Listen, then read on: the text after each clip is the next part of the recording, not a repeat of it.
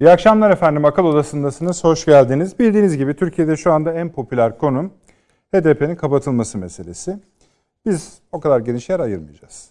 Ancak şöyle bir uzantısı var bu konunun. HDP'nin kapatılması meselesi üzerine tartışma başladığında, daha doğrusu bu konu artık gündeme geldiğinde işin Batı ile ilişkiler üzerinden genişleyen, geliştiren ve oraya davet çıkaran bir boyutu gelişmeye başladı. Bir de bunun e, uluslararası konjonktürde belli bir takvime düştüğü de sık sık uygun düştüğü de söyleniyor. Şöyle hatırlatayım ben. Efendim 23-24'ünde Mart'ın NATO Dışişleri Bakanları toplantısı var. Gün farkıyla hemen arkasından Avrupa Birliği zirvesi var ki hatırlayacaksınız akıl odasında birden çok defa bunun önemine işaret etmiştik. Haziranda daha büyük bir NATO zirvesi var. Liderler zirvesi ve günü tam belli olmamakla birlikte aşağı yukarı aynı zamanda bir demokrasiler zirvesinden bahsediliyor. Yani demokrasiyle yönetilen ülkelerin, demokrasisi olan ülkelerin bir araya geldiği, başına da Amerika Birleşik Devletleri'nin organizasyonunu çektiği bir toplantı. Arada başka toplantılar da var ama yoğun bir gündem önümüzdeki 30-45 günlük ara. Buralarda bu HDP'nin kapatılması meselesi üzerinden Türkiye'ye bir fatura çıkarılacağına, hayır düzeltiyorum, Türkiye'ye bir fatura çıkartılması gerektiğine ilişkin temenniler, davetler, isim isim verebileceğimiz kadar. Bunu siyaseten tarif etmek başka bir şeydir. Efendim buradan da tabii ses gelir demek başka bir şeydir.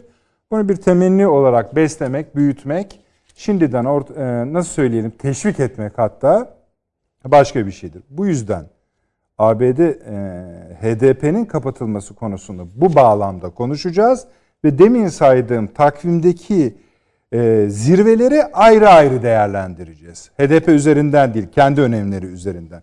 Çünkü bu NATO zirvesi örneğin Dışişleri Bakanlığı ve aradaki AB zirvesi, NATO liderler zirvesi Türkiye-NATO ilişkileri için bambaşka anlamlar ifade ediyor.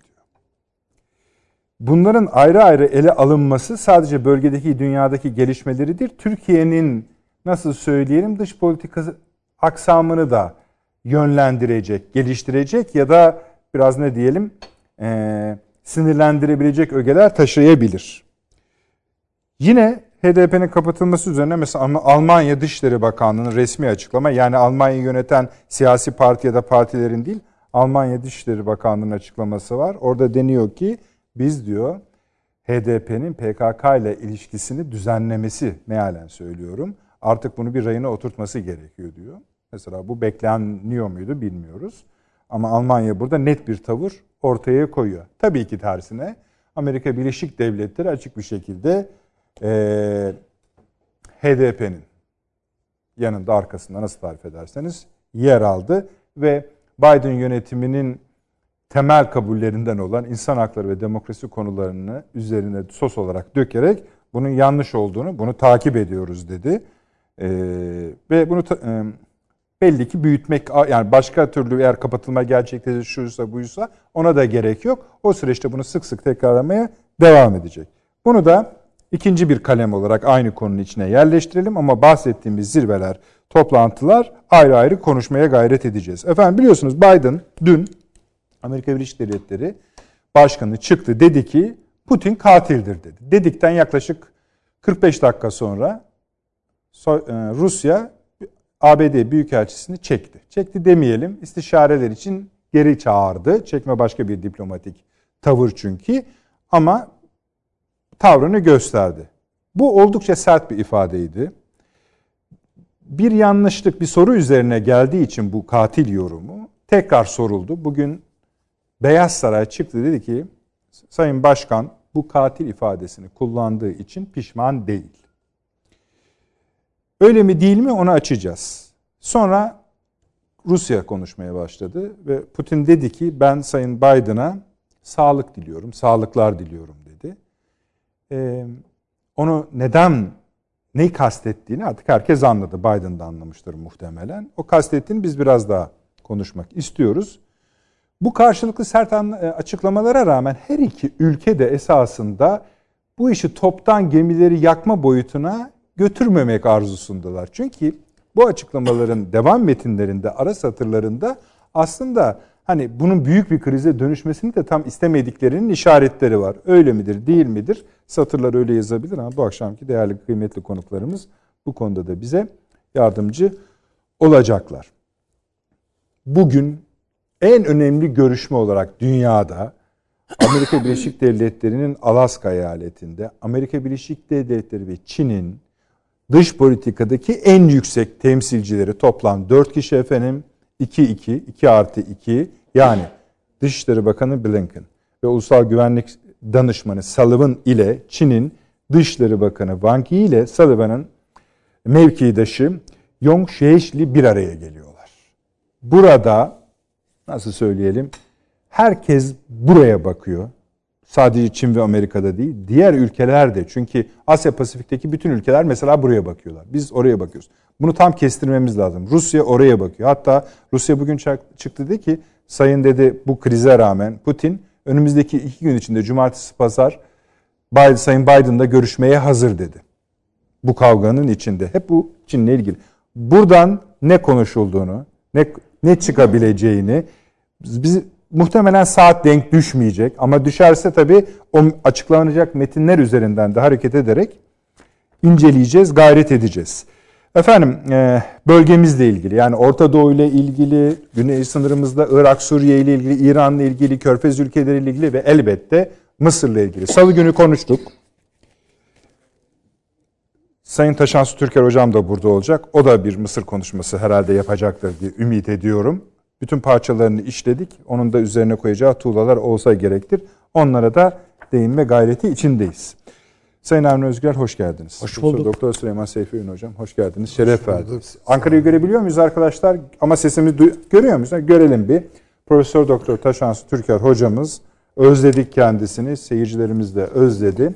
Ankara'da bir şöyle peşin peşin hem hoş geldiniz diyelim. He, tamamdır. Hem de geçmiş olsun Çok çok diyelim. olun, Çünkü aslında saygılar. hala nekat döneminde öyle söyleyebiliriz. Eksik olmasın bizi kırmadı geldi. Aha. Hoş geldiniz. Şimdi Estağfurullah. Estağfurullah. Aynen çok konular bunlar ama Evet. herhalde şununla başlamayı arzu edeceksiniz. Bunların hepsinin üstünde ve dışında 18 Mart şehitlerimizi anma ve Çanakkale Deniz Zaferi'nin 106. yıl dönümü. Ee, başka bir şey söylenir mi? Söylenir. Buyurun söyleyin. Şöyle söyleyelim. Yani bize e, imparatorluğun e, yani ne diyeyim son döneminde son büyük bir parlaması diyelim. Muhteşem bir şey seyret. E, final yapma şeyini gösterdi Çanakkale.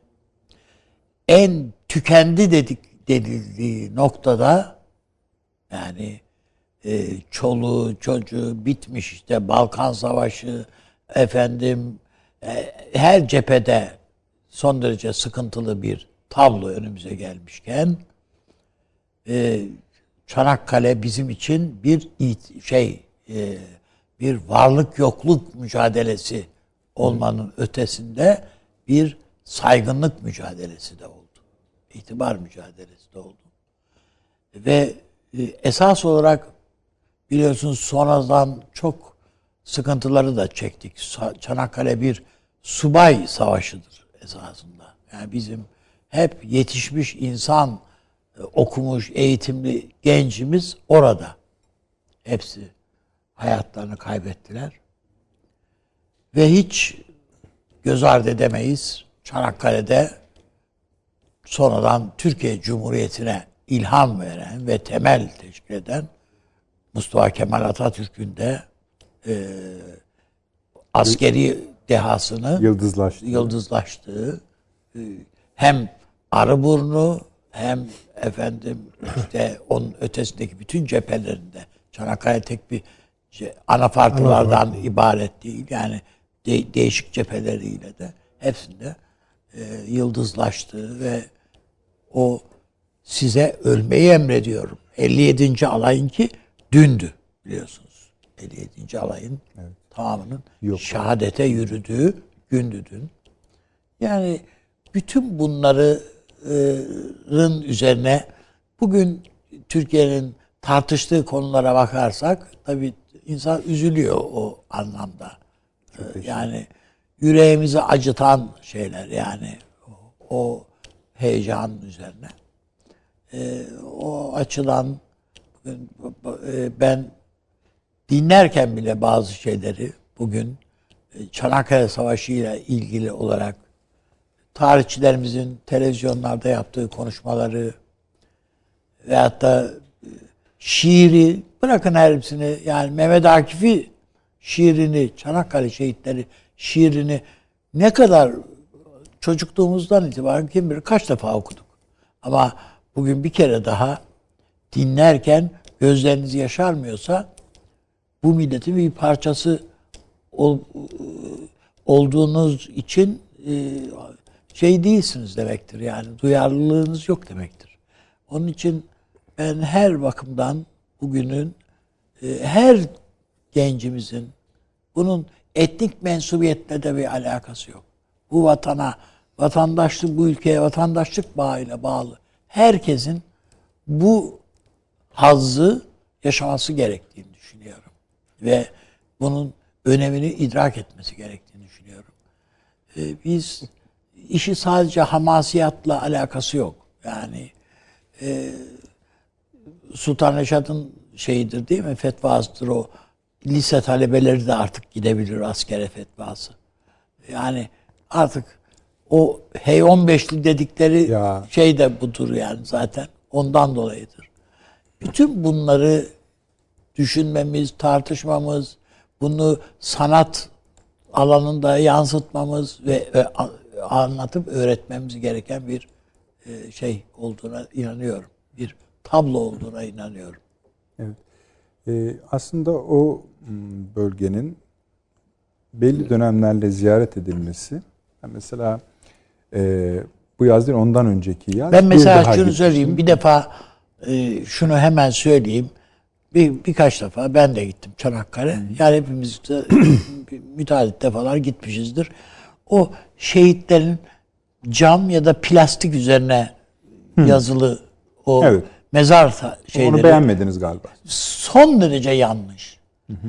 Hiçbir mezar duygusu uya, hissi uyandırmayan ve e, o saygınlık uyandırmayan, hissi vermeyen bir e, geçmişte yapılmış ne yazık ki yani e, böyle bir hata var. Onun mümkün olduğu kadar çabuk düzeltilmesi gerektiğini Doğru, düşünüyorum. bunu birkaç kişiden daha duyduk. E, mezarların tasarımı Plastikten mezar taşı mı olur olmaz. yani? E, mezarların tasarımının ayrı uzmanlar, uzmanlıkları var imiş. Bu Amerika'da da dünyada da böyleymiş. Evet. Mesela e, 11 Eylül'den sonra yani o çöküşten sonra bir sürü insan öldü ve bir sürü insana ulaşılamadı. Evet. Aslında oradakiler boş. Normal. Ya Bunun semboldür yerine- yani Heh, bunlar. bunun yerine şöyle bir yöntem. İtibar. Özel bir taş kullanmışlar. Evet. İsimlerin hepsi orada yazılı. Bunu önermiyoruz. Yanlış anlaşılmasın. Öyle bir şey söylemiyoruz. Hani özel bir çalışma alanı. Onun için söylüyorum. Bir de 57. alaya bağlayacağım. O taşlarda o isimleri okurken tam olarak kendi silüetinizi görüyorsunuz. Evet. Ayna gibi. Özel bir siyah taştan yapılıyor. Evet. Bunu neden yaptınız diye sorduğunda kendilerini orada görmeleri için Evet. bakanların diye. Şimdi belki bu şekilde bambaşka bir e, yani bu bir öneri Ben- olarak kabul edilmesin sakın. Hani ama 57. alay mesela ben gittiğimde orada bir orada da biliyorsunuz Yani- gerçek mezarlar De- değil. değil. Tamam, biz Aşağıdaki bir biliyoruz, bölüm. elbette. Tamam. E, orası mesela daha bence uygundu oranın e, formu, mezar formları. Yani bence bi- biraz daha değerli toplu, Toplu, şey. evet. Allah'tan oraya herhalde e, bu yeni dönem anlayışları filan sirayet etmemiş. Yani usta ama o bile yeniden doğru dürüst tanzim edilmeli. Çünkü şehit oldukları düşünüyorum. bölüm ne inmek çok Evet. meşakkatli bir şey. Esasında bunu söylemek Yani bile ayıp Anzaklar sayılmalı. kendi mezarlarına dokundurmuyorlar biliyorsunuz. Evet tabi tabi bir de şöyle bir şey. Onlar artık şu hale de gelmiş. Orada ben sormuştum biraz. Evet. Onların bir töreni var biliyorsun. Tabii öyle. Belli bir aşam, belli bir yıldan sonra emniyetten rica etmişler. Biz dışarıdan kimseyi istemiyoruz. öyle zaten. Öyle şeyi de kapatmışlar. Ve ona da yani ben ona da saygı duyarım. Tamam, yani hani ne diyeyim adam devlet mezarına gösteriyor. saygı duyuyor. Gösteriyor. Bizim Avrupa'da da yani Galicia'da dahil, şurada burada da dahil bizim şehitliklerimiz var ve onlara gereken özenin, itinanın gösterildiğini biliyorum. Çok da gü- güzel şehitliklerimiz var, bakımlı şehitliklerimiz falan da var. Ee, kendi bünyemizdeki şehitliğin bu kadar e, modern sanat müzesi gibi tanzim edilmesini veyahut da ona benzer şeyler yapılmasını o yüzden çok yakışıksız buluyorum. Yani evet bu Çanakkale Deniz Zaferi'nin 106. yılını hatırlıyoruz ve buradan çıkarıp çıkarmadığımız dersleri de konuşmak lazım. Ama ilk cümle şehitlerimizi anma. Yani asıl Evet. oradan bir takım dersler, çık- kısaslar çıkarma. Süleyman Hocam. Valla tabii e, Çanakkale Savaşı'nın zaferinin e, tarihsel koordinatlarını e, üstadımız söyledi. Benim buna ekleyecek bir şeyim yok. Yani şu çok ortaya apaçık çıkıyor ki e, uluslar kolay inşa olmuyor. Yani bir ulusun inşası belli dramları da beraberinde getirebiliyor. Yani dramatik bir takım Evet. şeyler de ulusları var ediyor. Belki daha da çok. Ee, belki de evet yani yani çünkü ulusun bir moral ontolojisi var. Yani ulus evet sonuçta bir siyasal projedir, bir ekonomik e, zatiyettir filan bunlar teoride bol bol tartışılır zaten. Ama ulusu var eden ve çok pratik karşılığı, somut karşılığı olan bir takım dramatik süreçler vardır. Şimdi Çanakkale bir zafer ama aynı zamanda dramatik bir zafer. Gençlerimizi kaybettik Evet. orada. Yani içlerinde ne Mustafa 200 bin. Kemaller vardı Evet. Allah bilir. Yani. Baktığınız zaman. 200 bin 225 bin. Evet. 225 bin yetişmiş insanımızı o- Allah o muhafaza zamanın bugün kaybetsek nüfusuna- gene tabii, yani tabii, bir tabii, tabii. sarsılırız. Bir de o dönemin şartlarını düşünelim. Dolayısıyla Hocam bütün ulus- İstanbul Erkek Sesi talebeleri, Galatasaray Sesi hepsi orada. talebeleri yani, Hepsi, hepsi, orada. orada. Hepsi orada. Ee, hatta hatta futbol takımı tarihlerinde bile Evet, var. çıkıyor karşımıza Tabii. yani. Bunu biliyoruz.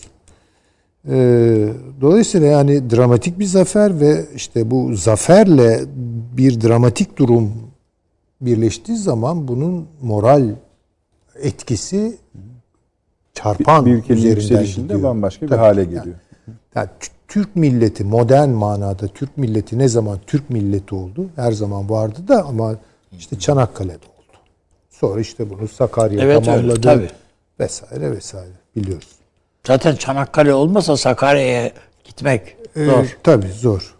Şimdi ama benim e, biraz da e, işin çuvaldız faslı var. Onu izninizle batırmak istiyorum. Buyurunuz. E, demin e, üstadımız bahsedince ya içim gene bir cız etti. E, ya her Türkiye Cumhuriyeti vatandaşı Çanakkale'yi bilir okullarda işte öğretilir. Senede bir defa da hatırlar. Ama Çanakkale böyle derinliğine öğretilmiş bir konu değildir. Yani bunun bence suçlusu Türk marif sistemidir en başta. Çünkü yani bir chapter'a Koyar. koyar. Evet. Oradaki Yani önemli notları da sonra- sınavda sorar en fazla. Evet Geçer ondan bizim. sonra işte böyle bir iki tören mören olur. Ki resmi törenler. Resmi törenler de gereklidir tabi ama yani her şey resmi törenin bir parçası haline gelirse bir süre sonra bir yabancılaşma duygusu da başlar. H15'lim e, türküsü çok dramatik bir türküdür. Evet, evet. Ama Aynen bugünün Türkleri biz Türkler bununla oyun havası yapıyoruz. Tabii. Halimizi görelim. yani. Evet evet. Çok çarpıcı. Evet. Yani duygusal Yani bu bağımız çuvaldızı da aşar ama batır, Ee, ama batırılması öyle yani. şarttır yani. Öyle yani. böyle bir şey Tabii. olabilir mi? Yani H15'li ile kalkıp e, kakara kikiri oynuyorsan e, biraz herhalde toprağın altında da bir yerlere basıyorsun demektir yani. Eyvallah. Şimdi Kaldı ki zaten o türkünün devam şeylerinde, Ne kadar kıtalarında tabii. e, değil mi? Tabii. Yani e, gidiyorum ilinizden, su içmem elinizden diye. şimdi bu tabii 32 diş meydanda bir Tabii. e, şey değil. E, bu- bunu çok yapıyoruz ama milletçe.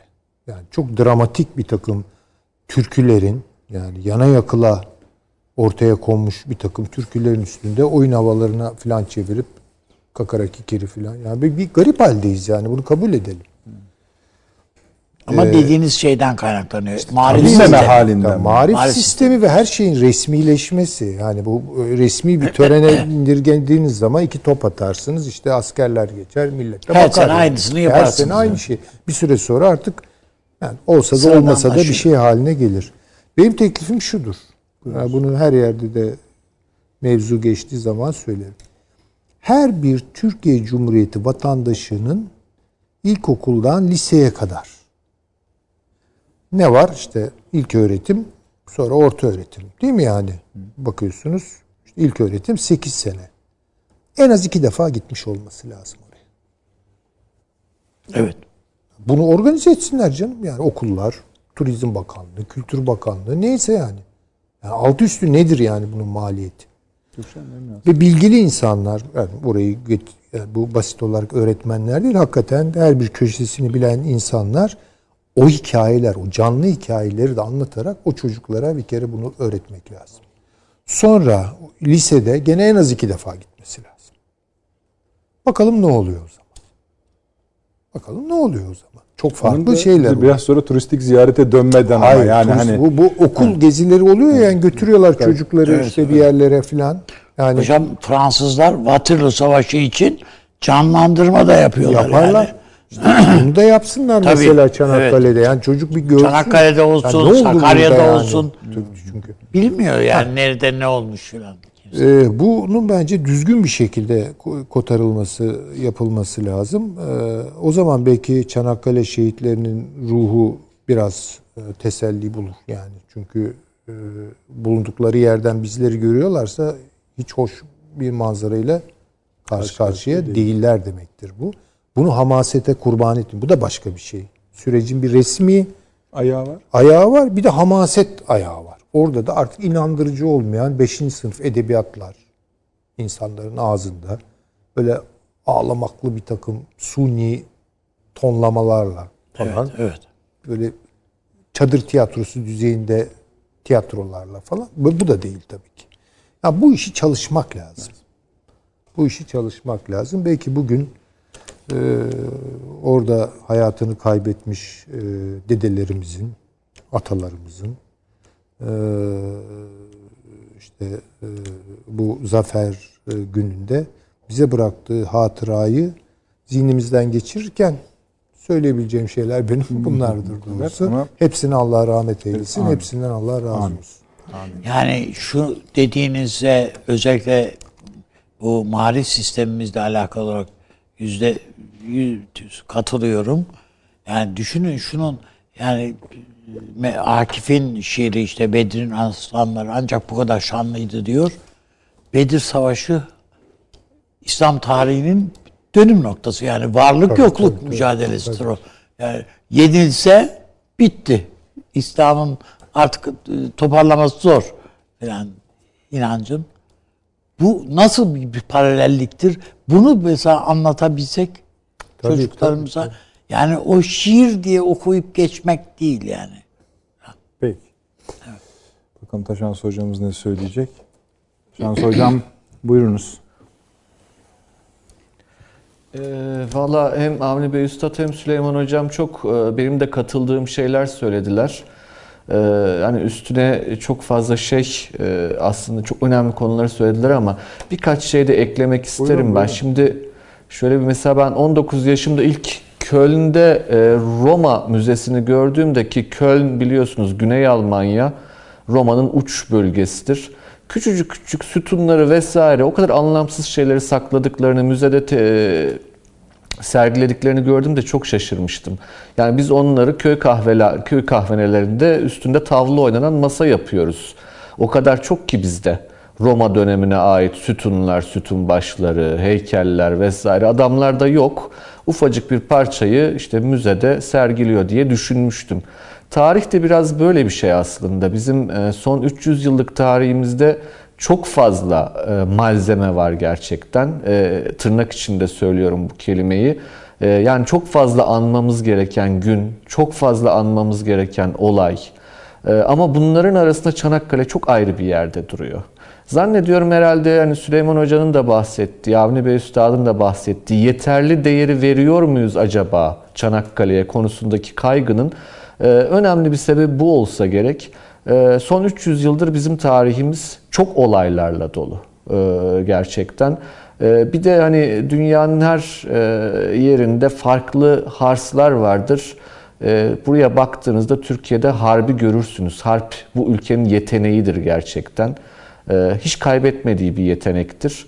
E, o anlamda hani e, böyle Çanakkale gibi bir zafer başka bir milletin tarihinde olsa herhalde sadece oy olur. Başka hiçbir şeyden bahsetmezlerdi ama bizde çok ama yine de bu çokluğun içerisinde önemini anlamamız gerekir. Nedir o önem dediğimizde vatan kavramı e, gerçekten öyle e, birden kolay kolay oluşmuyor. Vatan kavramı bizde e, Balkan savaşlarıyla olduğu kabul edilir hep literatürde. Yani Balkan savaşlarıyla beraber ilk kez vatan kavramının bir geniş çerçeve içerisinde e, toplumun farklı kesimlerince kabul gördüğü kabul edilir ama e, bunun zirve yaptığı yer zannediyorum Çanakkale'dir. Orada da hani şunu unutmamak lazım herhalde. E, nereden baksak son 300 yıl dedim ya işte 18. yüzyılın başından itibaren çok hızla geri çekilen bir imparatorluğumuz vardı bizim. Ve bu kaybedilen toprakların hepsi vatan parçası. Öyle kabul edilir ama vatan dediğinizin kalpgahı e, belli ki payitahttır. İstanbul'dur. E, ve biz İstanbul'u 19. yüzyılda bir Kütahya'da tehdit altına alındığını gördük. Mısır'dan gelen güçler tarafından. İki Yeşilköy'de tehdit altına alındığını gördük. Rusya'dan gelen e, saldırıyla beraber. Üç, Balkan Savaşları'nda gördük. Edirne'yi kaybettik unutmamak gerekir. Dört, Çanakkale'dir ve o son olmuştur. Yani ondan sonrası işte mütareke dönemi vesaire unutmayalım ki Kuvayi Milliye'nin artık var olduğu, e, Türkiye'nin bir şekilde yeniden atağa geçtiği dönemdir. Ama İstanbul tehdit altına girdiği anda işte Çanakkale'de o yüzden e, biraz önce Avni Bey Üstadım da söyledi o lise talebeleri payitaht tehdit altında olduğu için e, gözlerini karartabilmişlerdir. Ülke varıyla yoğuyla Çanakkale'ye akmıştır. E, bu anlamda çok çok önemlidir diye düşünüyorum. Çünkü evet vatan her toprak parçası. Yani bu toprağın, bu vatanın her parçası vatan ama payitaht başka bir şey. Biz o gün işte İstanbul'un kurtarılmasından bahsediyorduk. E, o anlamda çok çok önemli. E tabi başka bir şey 225 bin rakamı hani çok kolay ağzımızdan dökülüveriyor ama o dönem imparatorluğun nüfusu içinde baktığınız zaman çok büyük bir rakamdan bahsediyoruz. Çok büyük bir fedakarlıktan bahsediyoruz. Ülkenin geleceğine dair aslında çok büyük kayıplardan bahsediyoruz. Ve yani bu insanlar gözlerini kırpmadan gitti. E, o anlamda hani anlatmak, hatırlatmak e, ve ben Süleyman Hocam söyledi çok katılıyorum ona. Yani e, bu kadar değerli bir şeyin ne olur değerini kaybettirmeyecek bir ciddiyet ile e, bu işlerin çalışılması gerekiyor galiba. Yani mesela e, çok ağlamak, ne bileyim hani e, bu kadar onurlu bir an için doğru bir yaklaşım mıdır? E, onu nasıl anmalıyız? Bunlar üzerine ciddi anlamda tefekkür edilmesi gerektiği kanaatindeyim. Ama dediğim gibi hani Türk milletin tarihinde e, çok fazla zafer olduğu için galiba biraz rahat mı davranıyoruz acaba bu zaferlerimizi anma konusunda diye e, ben de öyle düşünüyorum. E, ama hani zannediyorum biraz daha üzerine eğilmek, anlatmak, aktarmak, yeni kuşaklara aktarmak hepimizin boynunun borcudur. E, ne kadar bol olursa olsun hiçbir değerini kaybetmiyor çünkü. E, bu şey değil, e, biraz önce verdiğim örnekteki gibi Roma sütun başı değil. E, her bir şehit başka bir yerdedir. Her bir şehit aynı oranda değerlidir. Her bir zafer e, bu anlamda, e, her bir an bu anlamda e, bu milletin tarihinde önemlidir ama layıkıyla anmak ve farklı kesimlere sadece Türkiye'ye değil belki dünyaya da anlatmak boynumuzun borcu o konuda Süleyman Hoca'nın kullandığı tabirle söyleyeyim çuvaldızı kendimize batırmak eksik kaldığımız kanaatindeyim. Hani birazcık da mahcup olmamız gerekir diye düşünüyorum. Peki. Çok teşekkür ederim Taşan Hocam. Evet. Bu tabii sınırımızın, bugünkü sınırımızın dışındaki şehitler ve şehitliklerimiz için de geçerli konular. Tabii tabii tabii. Bütün Hepsi- olaylar için geçerli. Yani İngiltere'de diyelim ki e, bu Kırım Savaşı'nın onlarca internet sitesi var. Hala sürekli Kırım Savaşı anılır. O internet sitelerine bir bakarsanız, ben bugün bizi dinleyen insanlar Kırım Savaşı'nı İngiliz internet sitelerine va- var. Onlara bir açsınlar. Türkiye sanki o Osmanlı Devleti Yok. o savaşa katılmamış. Tabii. Kendileri yazıyorlar. Yani bir- bir- devletler böyle ayakta duruyor. Halbuki o tükendi, işte hasta e, öldü bitti denilen Osmanlı Kırım Savaşı'nda ayağa kalktı. Tabii. Yani İlk. Aa, yok bu zannettiğimiz gibi değilmiş kanaatini bütün dünyaya gösteren savaş odur. Yani Kırım Savaşı'dır. E bizim bi- bunların hiçbirisini hatırlamazsak ne, nereye kadar ileri gideceğiz? Şimdi bu e, size ölmeyi emrediyorum dediği gün Atatürk aynı zamanda kendisi e- emrediyor. Yani diyor ki kaçanı vurun. E- eğer içiniz el vermiyorsa getirin ben vuracağım diyor. Yani şimdi bu öyle bir savaş.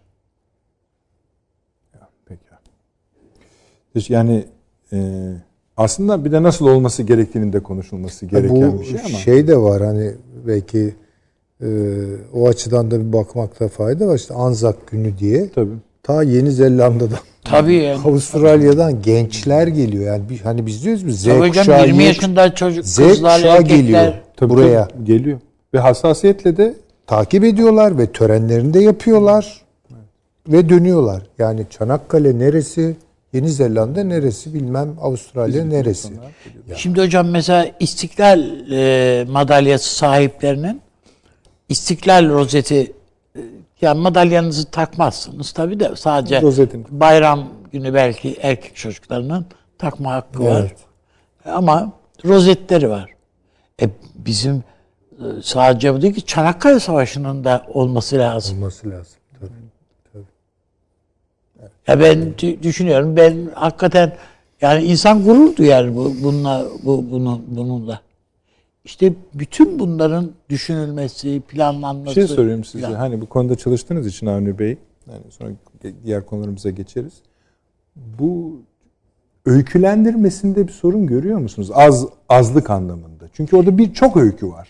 Şimdi çok öykü var ama Ve bunlar insan öyküsü. bun- hayır yani bunlar bir böyle işi zaten e, şey seremoni haline getirmekten ibaret değil bu iş.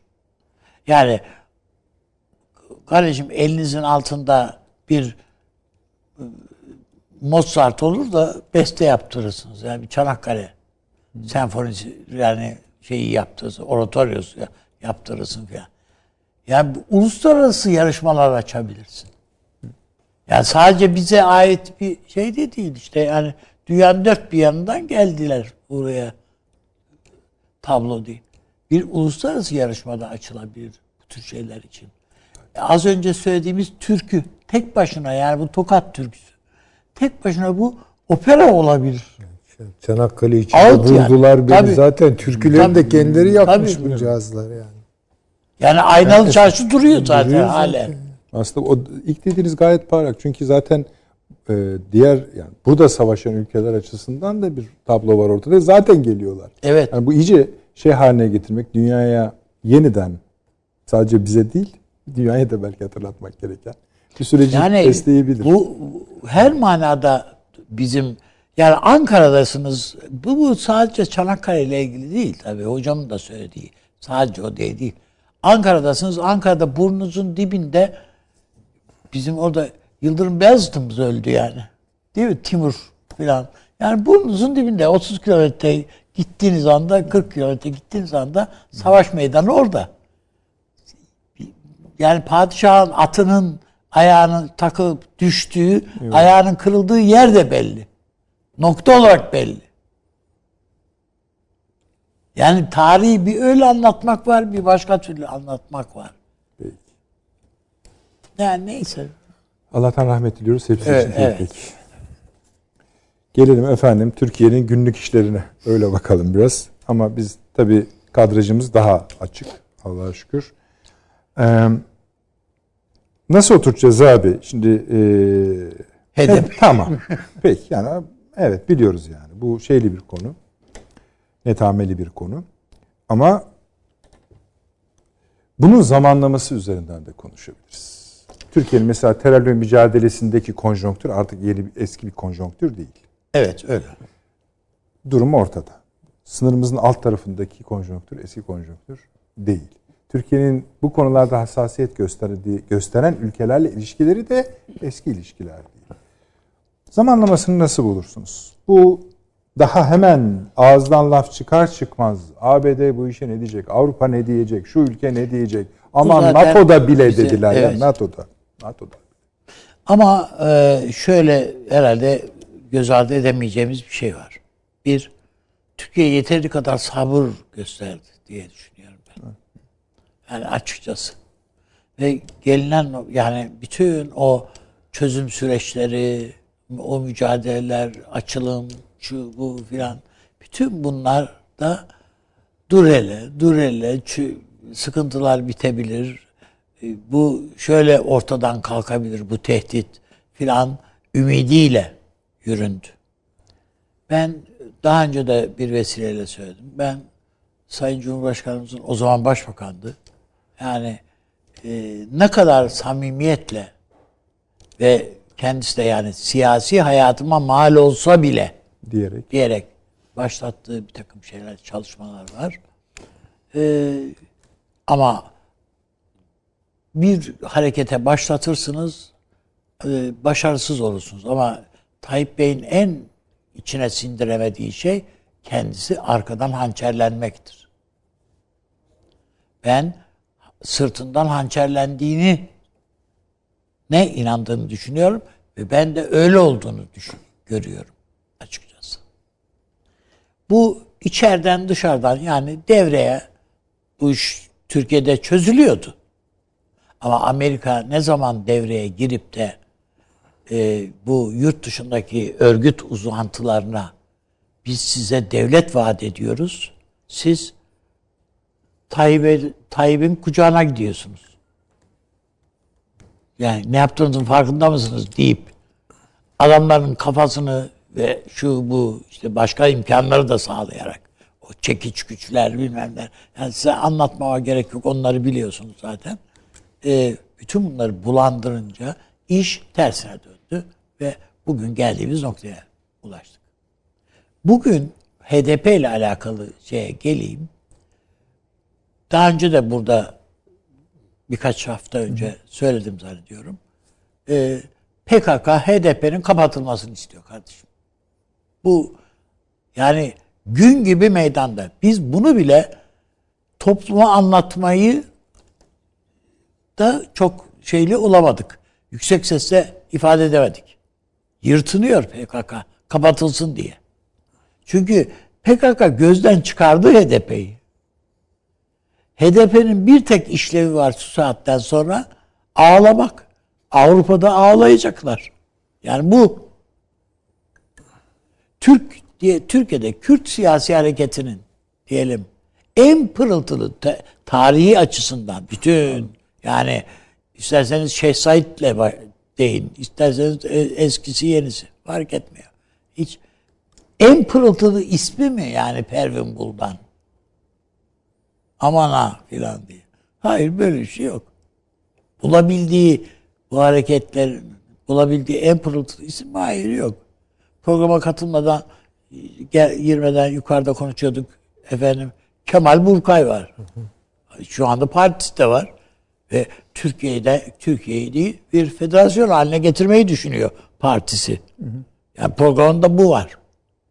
Niye bu partiye hiçbir şey yapılmıyor da HDP'nin programında böyle bir şey de yok? İşte öz yönetimler, bölgeler falan. Yani Böyle yuva, laf yuva kalabalıkları var. O kadar.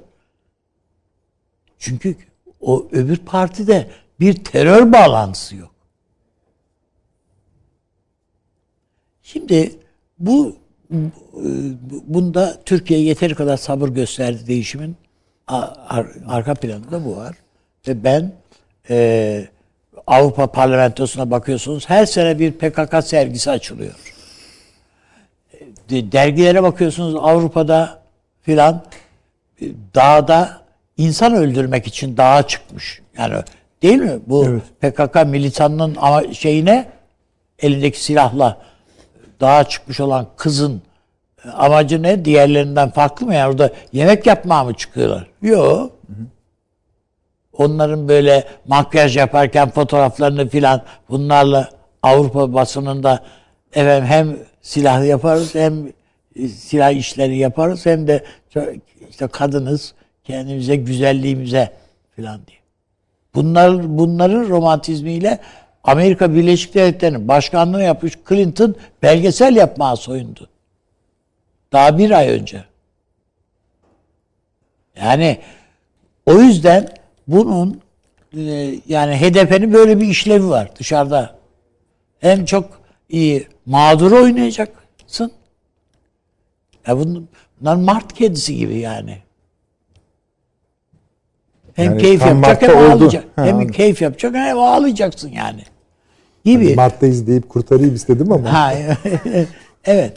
Şimdi e, bu şeyde ben e, bu bakımdan e, sadece Türkiye'ye dönük eleştirim şu çok fazla gecikildi. Soruşturma yapılmasında da kapatılması gecikildi. konu- Ha, evet. Hayır kapatılmasıyla değil. Kapatma kararı verilir verilmez. Onlar şey yapmıyor. Anayasa Mahkemesi'ne karar verir. Ben biliyorum. Ama savcılık soruşturması kardeşim. Savcılık bana göre böyle siyasetin gözünün içine baktı esasında. Türkiye'de yargının böyle bir şeyi var yani. Halbuki her parti için şu anda bile AK Parti dahil yani her parti için savcılıkta bir dosya vardır. Gelir bir suç olur oraya kayıtlar düşer falan. Bunlar belli bir noktaya gelirse oturur iddianame veyahut da dava hazırlanabilir. Her parti için yapılabilir Ee, ben e, HDP'nin bu konuda e, şey yaptığını ya o dosyaları e, çok çok açtığını Ha, az kalır. Vardı. Anladım. Tabii tabii. Hani hiçbir uyarı bile gitmedi ya. Yani halbuki arada biliyorsunuz Yargıtay Başsavcılığı'nın partilere uyarıları var. Göndermesi gerekir. Şu bu filan. Hayır hiç bunların hiçbirisi yok. Ondan sonra pat diye sen işte kritik bir dönem Avrupa Birliği bilmem ne şu bu toplantılar şu falan ortalık yerde sen sonra daha iddianame. Onun için bugün bu tartışmalar var. Peki iki şey sorayım. Yani yapılan işlemde tabii Türkiye'nin bir hukuku var. Devletin bir hukuku. Yani kanunlar var. Kanunlara aykırı bir durum gördüğün vakit da, davaya açarsan kapatırsan kapatırsın. O ona ona söylenecek bir şey yok. Ama böyle bekletip bekletip kendine göre bir takvim yapıp da e, veya öyle olduğunu düşündürecek bir zamanlamayla yaparsan işte sıkıntıları da göze almış oluyorsun. Peki. İki tane spesifik bir şey sizin son Evet. söylediğiniz üzerine. Birincisi Almanya dedi ki Dışişleri Bakanlığı sözcüsü çıktı. Evet. Ee, HDP PKK ile arasına mesafe koymalıdır. Evet. Bu Almanya'nın tavrı. Onu ayrı değerlendirin. Almanya'da Almanya'nın biliyorsunuz de- ayrıyeten şu son dönemde PKK hakkında davalar da açılıyor. Onu bir ayrıca konuşalım Evet. ama. Yani çünkü ben sizin şu yorumlarınızı da hatırlıyorum. Süleyman Hocam da eminim hatırlayacaktır. Korkuları da vardı adamların. Tabii He, var. Tamam. Belçika'da var. Tamam. İkinci açıklamada Amerika Birleşik Devletleri'nden geldi. O da şöyle diyor. E, HDP'nin kapatılmasına ilişkin süreci yakından izliyoruz. Bu adımı Türk seçmeninin iradesini haksız yere yok saymak ve Türk demokrasisinin altına oymak olarak tarif ediyoruz. Şimdi bu ikisini soruyorum size. Buyurunuz. Yani Amerika açısından şaşılacak bir şey yok. Siz Yani sizin- sağlık mı diliyorsunuz ona? hayır hayır. Peki. E, o tabiri yani Putin'in o tabirini e, Biden'ın akıl sağlığından. E, şüphe etmenin ima ed- eden bir ifade olarak görüyorum. ayrı başlık olarak Yok, konuşalım. O, o başka bir şey. Şimdi devlet vaat ettiğiniz bir kadronun siyasi uzantısı hakkında yani Türkiye'de hır çıkarsın diye şey yaptığınız bir kadro hakkında Türkiye'de kapatma davası açılıyor. Amerika'nın duyduğu öfkeyi buna bağlıyorum. Peki ama o zaman Amerika'ya hadi bakalım böyle yapıyor Türkiye diyenlere ne diyeceksiniz Türkiye'de? Şimdi Bir şey demeyeceksiniz. yani burada yani bir televizyon yayınındayız. Yani ne diyeceğimi söylemeyeyim. Ama e, şu var. Amerika bizi öyle bir dövecek ki diye hatırlayın yani Tabii, bunlar tabii canım. e, başkaca da geçmişte işte 1 Mart tezkeresi kararından başlayın başkaca Türkiye'nin aldığı kararlarla alakalı olarak. Yani böyle gayet böyle mutlu bir şekilde hem de. Yani e, Tayyip Erdoğan öyle bir dayak şey yapacak öyle bir e, bunlar üstüne gelecekler ki Tayyip Erdoğan'ın aman aman diye. Hatırlayın Türkiye'de bir partinin genel başkanı Biden seçildi hemen akabinden. E, e, Tayyip Erdoğan'a neler yapmalısınız diye 10 maddelik liste verdi adam. Değil mi yani? Üstelik de geçmişte diplomatlık da yapmış bir adam. Bütün bunlara baktığınızda bu- elbette sevinen mevinen var yani. Aa ne kadar iyi oldu Amerika bizimkinin üstüne geliyor diye. Yo yo şimdi şöyle müsaade eder misiniz? Ben Çok kısa bir dakikanızı alacağım. Evet. Şimdi hadi söyleyeyim yani. Mesela dün akşam ana haber kanallarından bir tanesinde bir büyükelçi toplantıların isimlerini vererek bu iş orada Türkiye'nin burnundan getirilir mealinde Evet. get yani ve bunu da şöyle Yani NATO Biz dedi- ve Avrupa Birliği toplantılarında söz eder. Ve biz de de aramızda konuşuyoruz da o arayı bilmiyoruz. Aranın ne olduğunu bilmiyoruz. Konuşuyoruz. Türkiye ne zaman atılım yapacak olsa bir gizli el. Kime diyorsun bunu ya? Hani gizli el kim? Evet. Yani onu siyasi bir şeye söylüyor. Sonra moderatör ne demek istiyorsunuz dediğinde de efendim tabii bunu böyle alırsak kompletör. evet. Ee, yani o zaman biz öyle alırız o lafı. Gizli el mizli el. Neyse. Ama buyurun. işte bu e, şöyledir. Yani orada hiç değilse moderatörün e, müdahalesi e, yerinde olmuş. Yani, Yani o kesmek doğru- için doğru mi, olmuş. parlatmak için ondan da emin O değilim ama oldu. O Tamam. yani doğru en azından hiç değilse bir müdahale Tabii. olmuş. Ama hiç müdahalesiz efendim ne kadar haklısınız diyen de Evet, tabii. var. Doğru söylüyorsunuz. Doğru Yani söylüyorsunuz. o yüzden e, bu S- S-400'lere sizce Amerika dayana tahammül edecek mi efendim? Diyor adam. Şimdi buna ne denir yani? Etmeyecek değil mi diye. Yani etmesin diyor. Evet. Etmesin. Şu Almanya. Evet. Avni abi. Bu Almanya açısından zaten uz- e, Eylül Ekim ayından beri Almanya'nın siyasetinde, Türkiye siyasetinde bir değişiklik var. Almanya sadece kendisi değişmekle kalmıyor. Avrupa Birliği siyasetini de değiştirmek için Sürüklüyor. e, zorluyor ve sürüklüyor.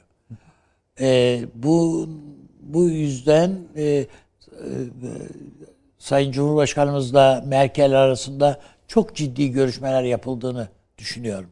İnşallah işte her zaman diledim. Yani ben Tayyip Bey'in günlük tutmasını çok arzu ettim. İnşallah ileride yayınlar. Yani o konuşmaların nasıl cereyan ettiğini, Kaç- ne oldu, ta- ne bittiğini şeyden biliriz. beri. İnşallah. Tabii. Yani e, ben e, eğer önümüzde bugün e, Avrupa Birliği'nden gelen açıklama veyahut da Almanya'dan gelen açıklamalar var ise Almanya'da bu PKK terör örgütü hakkında soruşturmalar başlamışsa, tutuklamalar hatta başlamışsa ve PKK protesto ediyor Merkel'i. Yürüyüşler, şunlar bunlar başlamışsa bunların hepsinin arka planında sözünü ettiğimiz müzakereler, görüşmeler var. Sizin ifade ettiğiniz tehdit ediyor Almanya'yı. Doğru. Belçika'yı tehdit ediyorlar. Doğru. Belçika, daha da korkuyor herhalde. Tabii. da- daha da korkuyor yani. Yakarız Belçika'yı dediler ya. Fehri Erdal yüzünden. Yani örgüt de, yani örgüt öyle PKK gibi de değil yani. Daha böyle ufak DHKPC yani cürmü kadar yer yakar diyorsunuz. Halbuki değil. Yani çünkü ama o cürmü kadar yer yakar dediğin örgüt Belçika'yı ayakta tutuyor işte. Diken üstünde tutuyor. Yani ben her tarafı yakarım haberin olsun diye. Ve sadece başbakan ve İçişleri Bakanı'nın bildiği bir veya diyelim ki istihbaratın bildiği, başındaki insanın bildiği bir adreste ikamet ettiriliyor. Ha bu ettiriyor da ne oluyor? Kadın sergilerinin açılışlarına falan da katılıyor. Yani bir şey yaptığı da yok yani. Ama o bütün bunları ıı, üzerine bir müdahale etmeye kalktığınız vakit bu sadece şimdi Fehriye Erdal'la ilgili söylüyorum ama hı hı. geçmişte yani örgütün lideri işte Dursun Karataş oradaydı. O o ölene kadar aynı himayeyi gördü. Adresler, adresler her şey vardı. Her türlü para imkanları.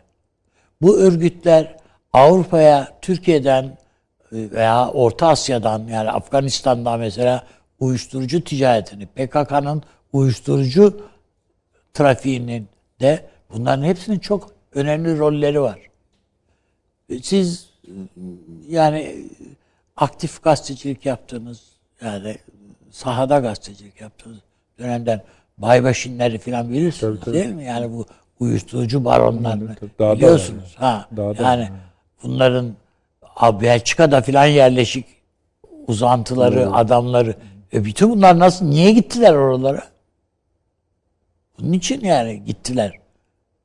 Çünkü e, sözünü ettiğimiz ülkelerinin ülkeler e, Türkiye'deki iç piyasaya e, sonradan uyuşturucu vermeye başladı örgütler.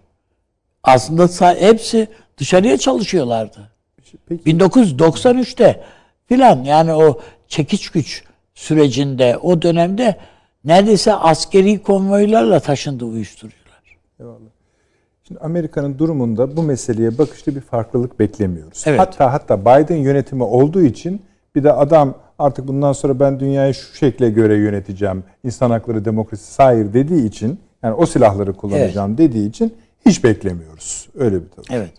Fakat Avrupa'nın bütününde sanki böyle bir daha farklı bir tutum beklemeli miyiz? Şöyle. Yani yani PKK'yı Bu evet, önemli olduğu için şu, sormuyorum ama de, dediğiniz ben Merkel'in burada önemli bir rol oynadı düşünüyorum ve PKK'nın bir yani HDP bir siyasi aktör ama bu pek arasına terörle bir şey koyamadı. Bunda başarısız oldu. Bunu anlatmak anlatmayı başardı. Şimdi İletişim Daire Başkanı'nın açıklamasında evet. şöyle diyor. Bu bir hukuk meselesi ve bunu artık anlayacaksınız. Evet. Mealen söylüyorum elbette. Bu karar alınırken bu... Batılıların anlayacağı bir dilden tabii, bir açıklama. Tabii. E, Fahrettin Bey'in açıklaması. Hı. Ya bu çalışılmış bir şey midir size? Çalışılmış bir ha, şey. Zamanlaması. Yani zaten e, biliyorsunuz zaten İngilizce falan o öyle, açıklamalar öyle öyle, öyle hazırlanmış ve Batı medyasının da siyasetinin de anlayacağı bir üslupla Peki. kaleme alınmış. Peki abi. Şöyle yapalım. Ee, Süleyman Hocam, Taşansı Hocam. Bir tek reklama gideceğiz. Önümüz açık. Serbestiz. Uzun uzun bütün konularımızı konuşma şansımız olacak. Onu hemen verelim. Kısa geri geliyoruz efendim.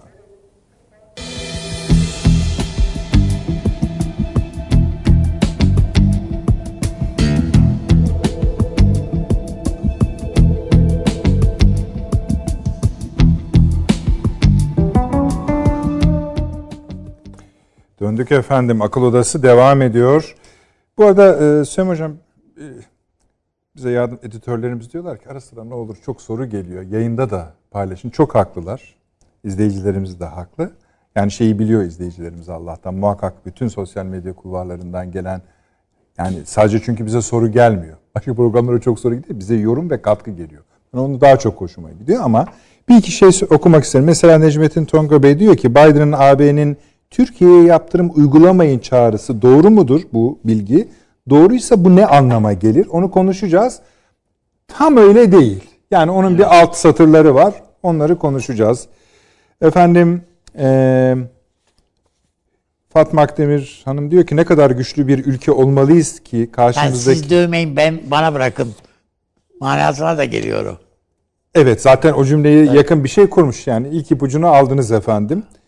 Ee, ne kadar güçlü bir ülke olmalıyız ki karşımızdakiler kötülüklerinden vazgeçsin, evrensel ve insani değerleri kendimize ve başkalarına nasıl anlatırız? Say- saygılarımla demiş. Eksik olmayın bizim saygılarımız da size ama bu bundan biz pek ümitli değiliz bilmiyorum.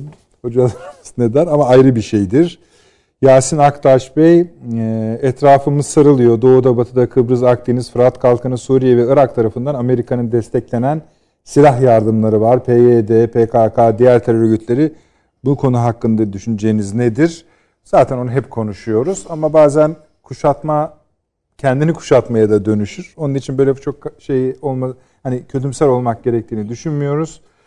Ee, AB'nin yaptırımları kaldırma kararının altında Almanya var mıdır? Varsa ne kadar var? Tam onları zaten konuşuyorduk. Ee, daha da var. Geldikçe paylaşacağız efendim. Süleyman Hocam. Anlam tamam mıydı? Tamam. Tamamdır. Buyurun Süleyman Hocam. Yani ne bir sürü Hayır, soru- bu sorular değil. Yani bunları Siz konuşuyoruz. ne- ha. Şeyden hareket ediyoruz.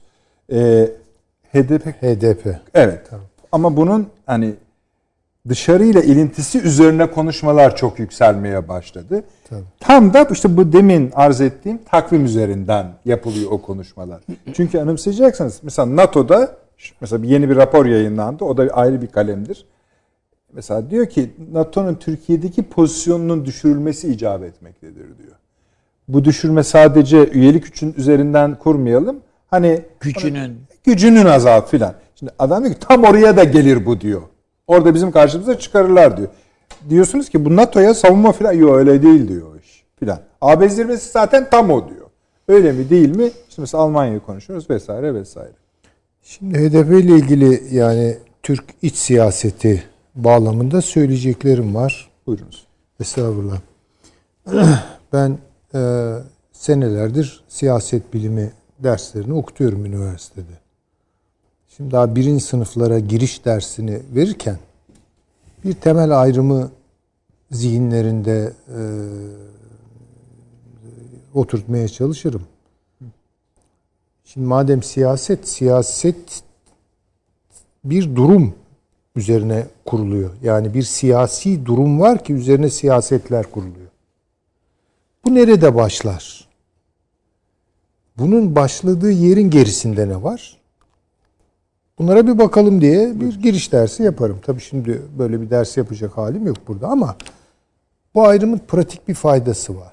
Yani neyin siyasal, neyin siyasal olmadığı konusunda bizi e, en azından net bir bakışa kavuşturabilir. Siyasal durum kan davalarının kan davalarının bittiği yerde başlar. Ve uygar bir durumdur. Medeni bir durumdur.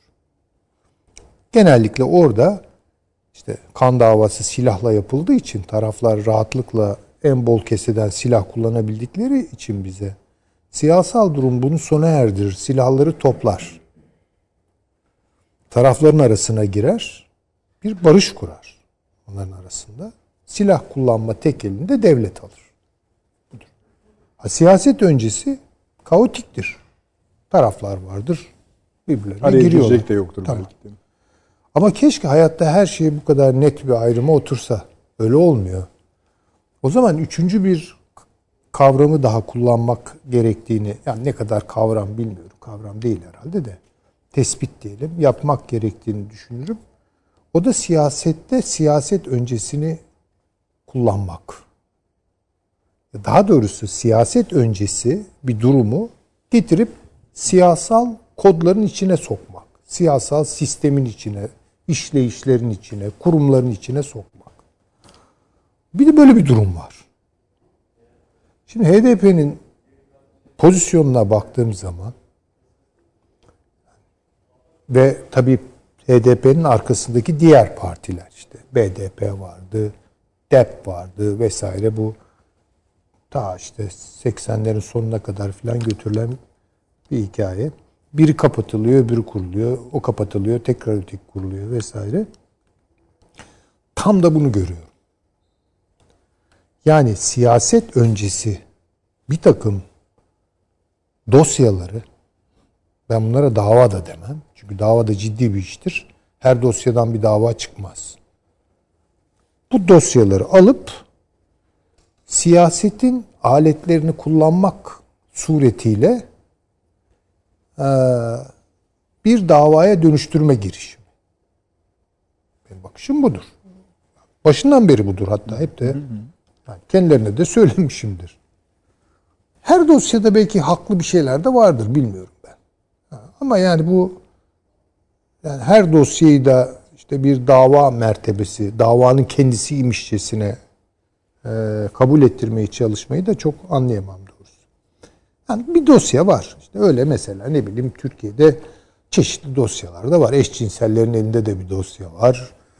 Ee, Alevilerin elinde de bir takım dosyalar var. Yani iddialar var falan ama sonuçta bir itiş kakış var oralarda. Yani pek siyasetle açıklanabilir bir şey değil. Ee, siyaseti kullanmaya çalışan bir parti bu. Şimdi biz şöyle okuyoruz. Diyoruz ki terörle bağını kura- koparmadı. E terör sonuçta siyaset dışı, metapolitik bir şeydir yani. Ama siz kalkıp silahı da siyasallaştırabiliyorsunuz. Yani silah kullanmayı da siyasal bir şeymiş gibi anlatabiliyorsunuz. Halbuki öyle değildir. O metapolitik bir şeydir yani. Siyasetin ötesinde bir şeydir. Bunu asla yapmadılar. Ve bunu asla da yapmayacaklar. Bu çok açık. Şimdi benim aklıma bir şey daha geliyor. Türkiye'lileşmek diye bunların bir şeyi vardı, iddiası vardı. O herkes o alkışladı falan. Ne güzel yani artık işte bir bölge partisi olmaktan çıkıp bir Türkiye partisi.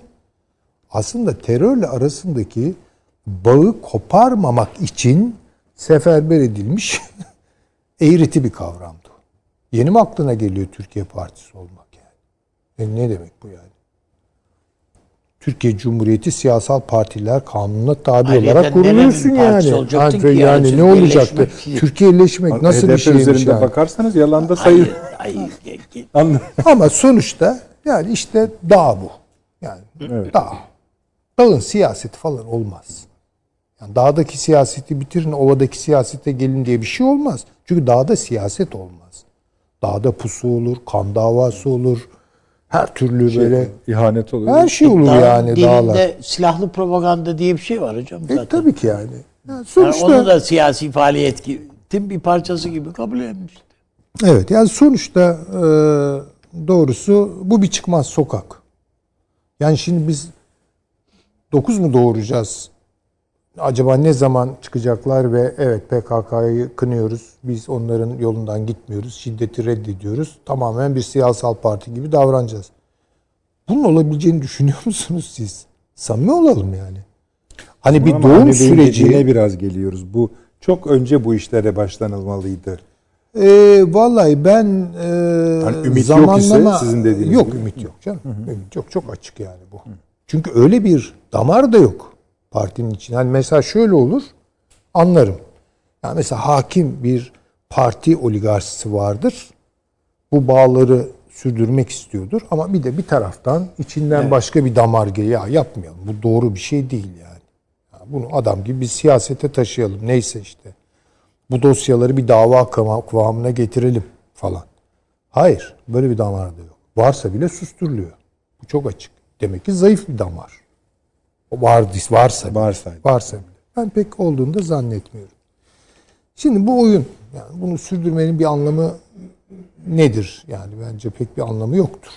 Yani ha, daha öncesinde yapı, valla bence Türkiye orada demokratik tahammülünü kamuoyunun da ötesinde sürdürdü. Evet doğru yani, Yani kamu çünkü tepkiye bakın, rağmen sürdürdü. Şimdi evet yani mesela ben Türkiye'den kopup bağımsız bir Kürdistan kurmak istiyorum. Bunun için de silahlı yolu seçtim. Daha çıktım. Peki anladık sen de mücadele edilir. Öteki öyle değil. Öteki şöyle söylüyor.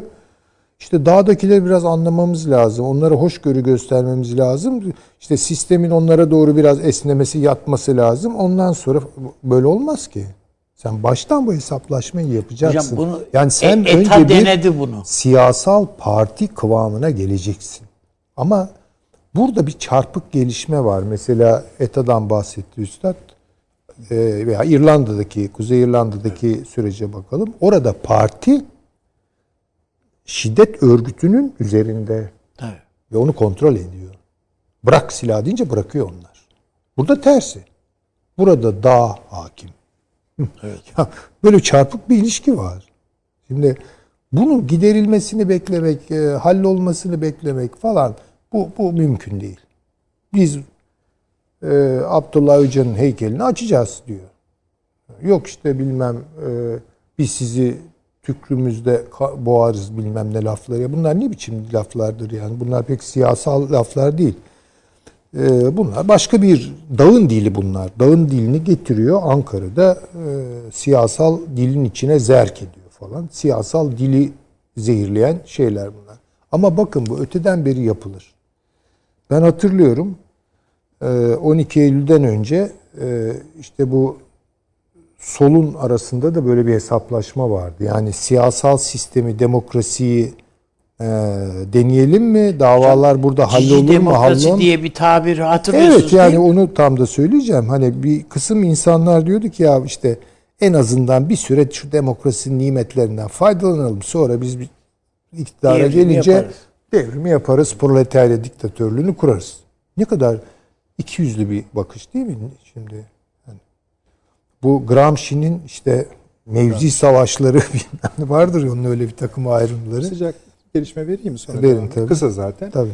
Yani Tel Rifat bölgesinden efendim e, ki YPG'nin yani PKK'nın kontrolündeki bir yerdir. İki adet roket atıldı ve kilise düştü bu roketler. Allah'tan e, ölen ya da yaralananımız yok. Ama Geçmiş olsun. buyurunuz. Estağfurullah. Yani bu e, bu olmayacak veya bazıları e, Avni Bey Üstadımızın dediği gibi ya boş verin bunlar, bunlar cici demokrasi, burjuva demokrasi, hadi dağlara, hadi bilmem nelere diyorlar. Yani şimdi Türkiye'de bu iş oturmadı.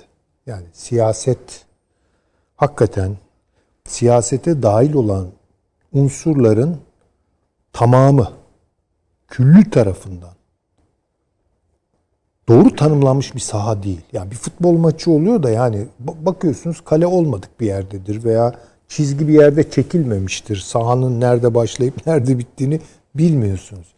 Bunu tam oturtamadık.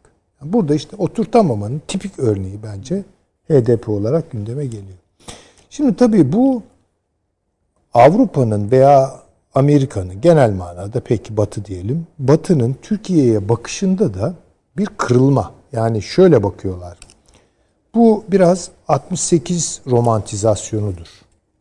68'leri iyi anlamak, iyi çalışmak lazım. Şimdi e, arayış içinde olan 68 gençliği şimdi bakıyordu mesela Fransa'da diyelim ki veya Almanya'da veya Amerika'da fark etmez. Uyuşuk, tamam saat gibi işleyen ama en az bir saat kadar da sıkıcı bir hayat tarzıyla çevrilmiş görüyorlardı kendilerini. Yani böyle son derece konformist, rutinize bir hayat. Yani hiçbir heyecan yok, hiçbir duygu yok. Böyle tamam mükemmel işliyor vesaire. Halbuki yani bir şeyler olmalıydı. Bu insanlığı bozan bir şeydi düzene soktuğu kadar.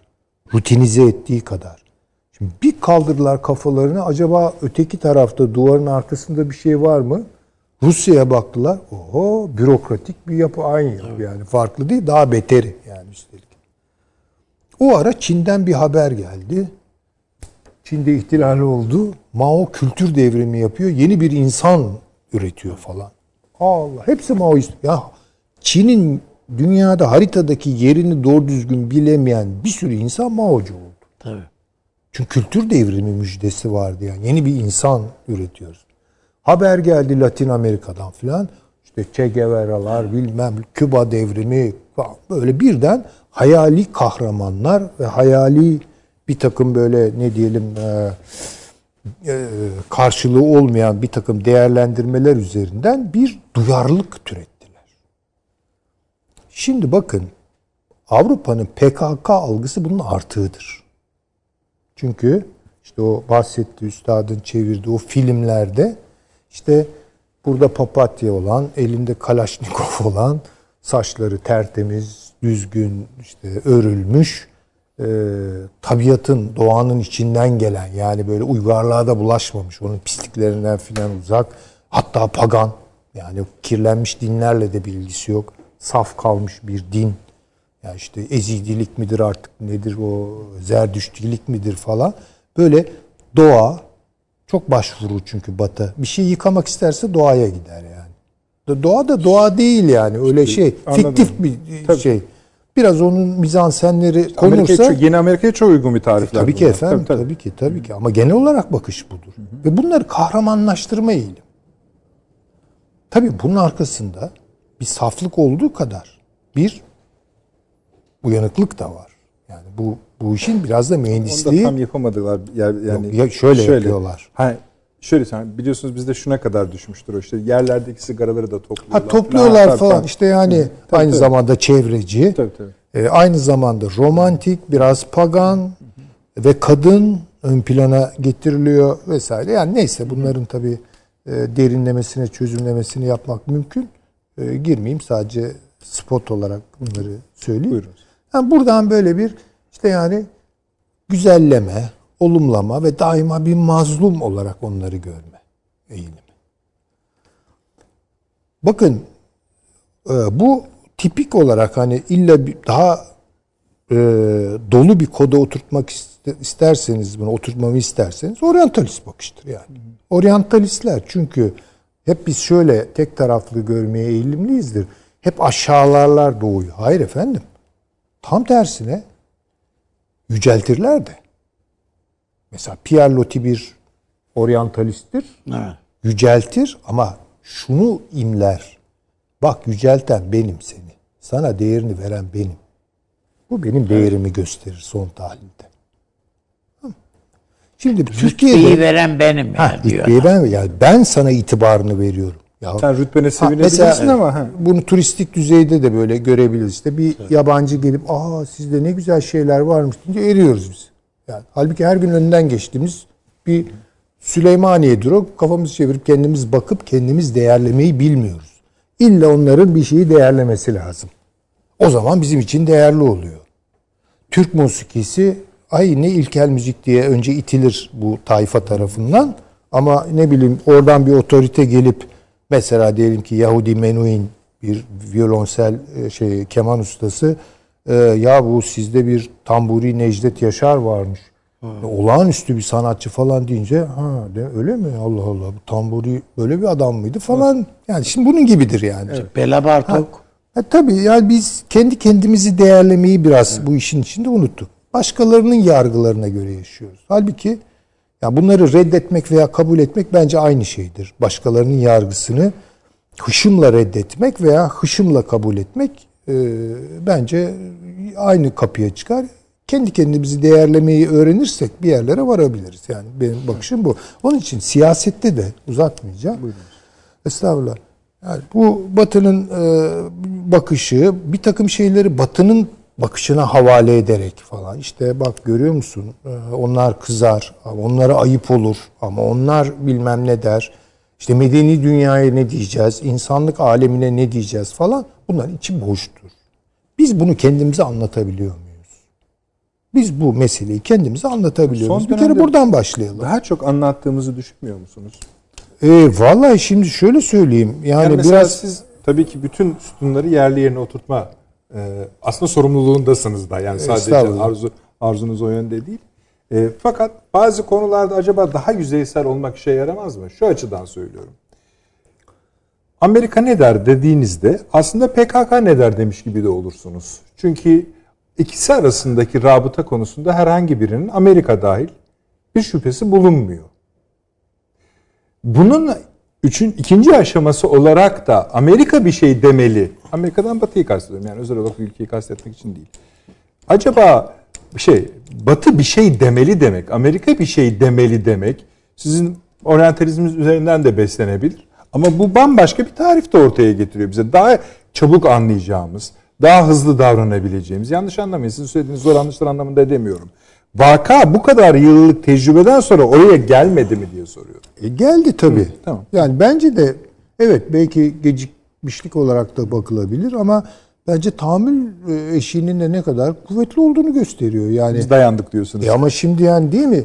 Bu parti Türkiye Cumhuriyeti hazinesinden destek Tabii. alıyor. O benim vergilerimle. Doğru, Ee, doğru. Öyle doğru, mi? Doğru, doğru. Yani her türlü imkanı da kullanıyorlar. Bu yani sistemin bütün yerden göğe haklısınız. bütün imkanlarından faydalanıyorlar. Ondan sonra sistem dışı bir takım talepleri sanki sistemik taleplermiş Yok, gibi Tamam e, bir şeyden geçirerek yani bence artık o söylem de sıktı Hocam yani. yani, Yani o cenaze arabasında silah taşımak falan. E, neler var yani. tabii. Yani neler var? Konuşmalarında yani işte filan bunlar çıkıyor ortaya. Yani samimi değiller. Bakınız demin çok güzel bir örnek verdi üstad. Kemal Burkay. Şimdi ben bu e, şahsı dinledim. Mesela katıldığı bir iki nadir televizyon programında. Asla kabul etmeyeceğim şeyler söyledi. Asla. Yani dedi ki biz işte federasyon yani burayı ayıracağız dedi. Burası özerk olacak. Türkler orada olacak. Biz burada olacağız.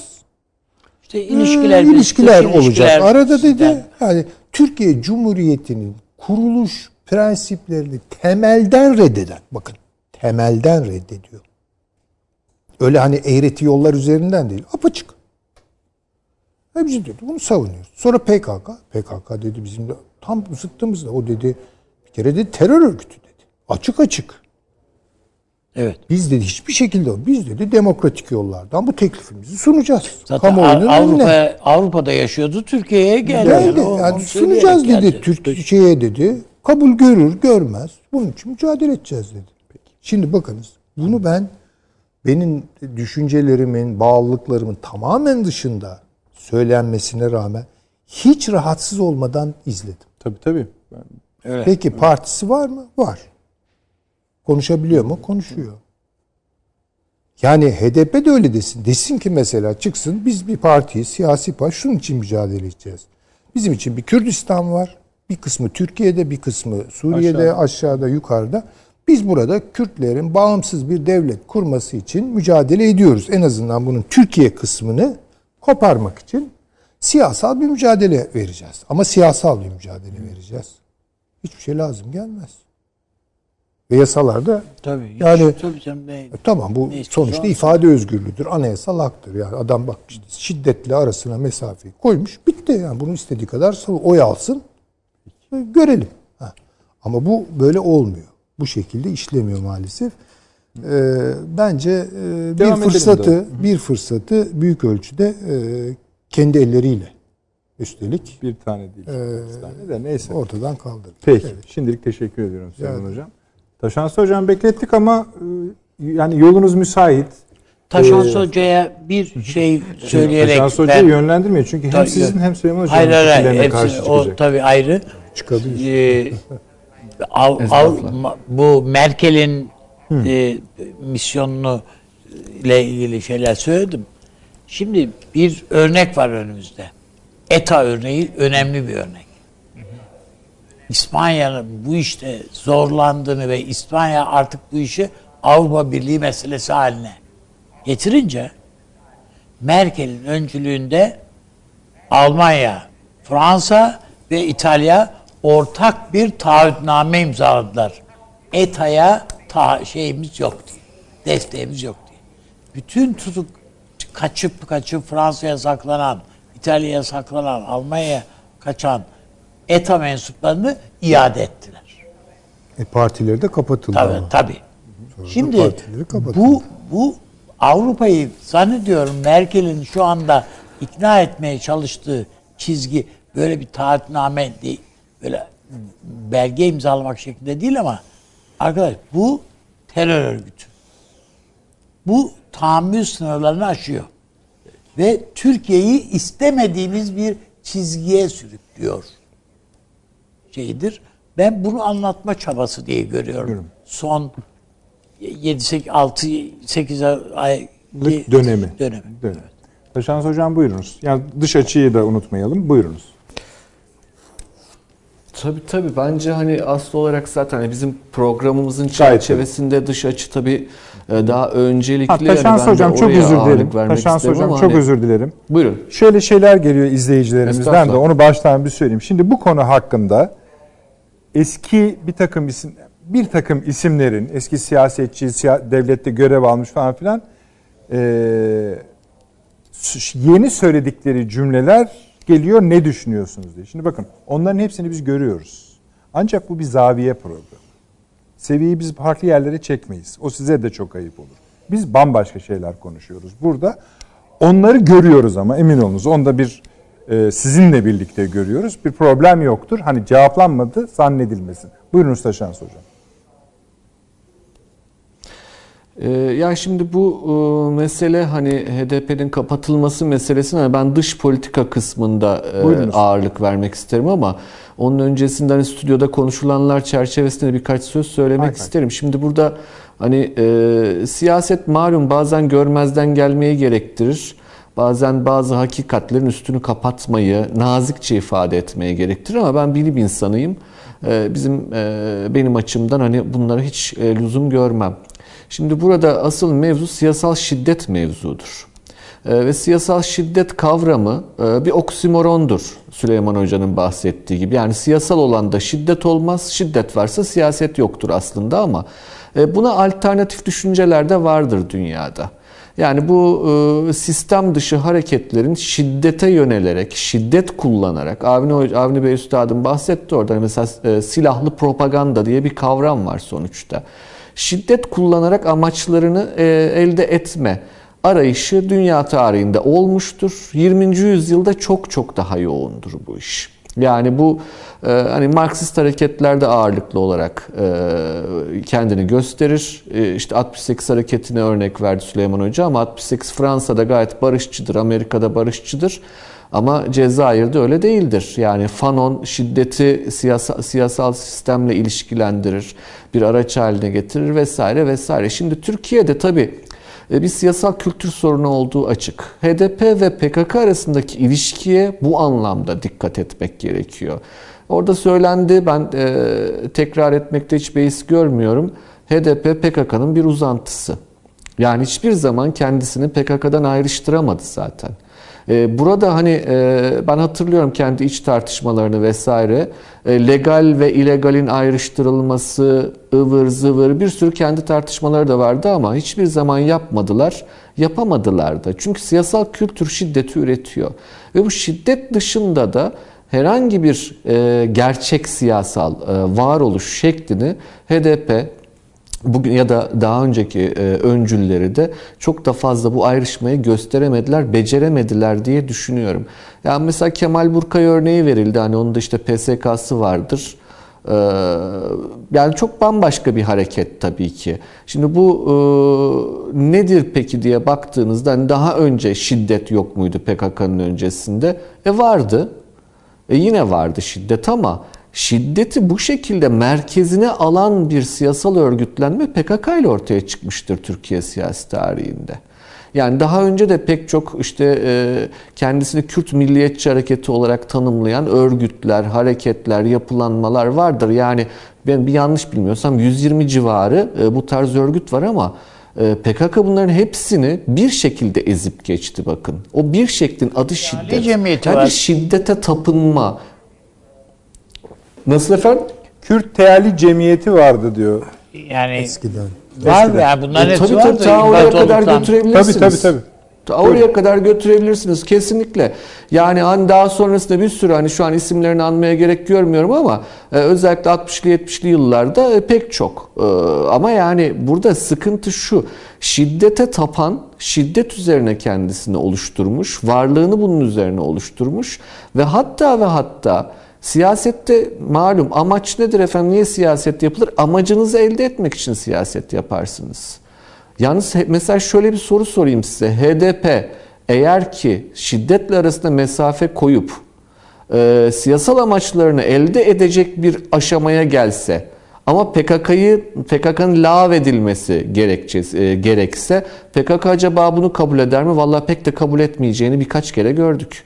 Yani kendisini, kendi örgütsel yapısını, çelik disiplinini her zaman var olan siyasetin üstünde tutan, önünde tutan, dolayısıyla bu çerçevede de siyasal olarak iletişim kurulup belli bir şekilde tırnak içinde söyleyeyim barış süreci vesaire gibi şeylerle e, uzlaşılabilecek bir hareket olmadığını uzun zamandır pek çok kez gösterdi PKK. Ben hiç unutmuyorum yani bu barış süreci döneminde HDP'di yine siyasal partinin adı.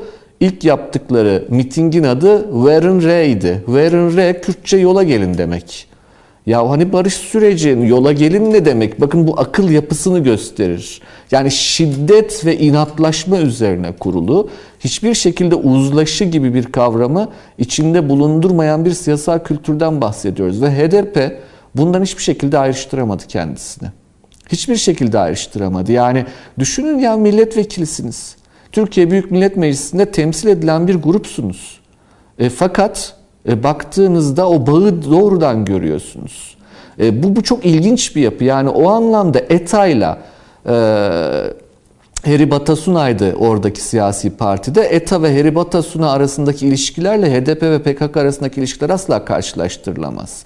Çünkü Heri Batasuna'nın bir şekilde hegemonik üstünlüğü vardı her zaman için ETA'ya.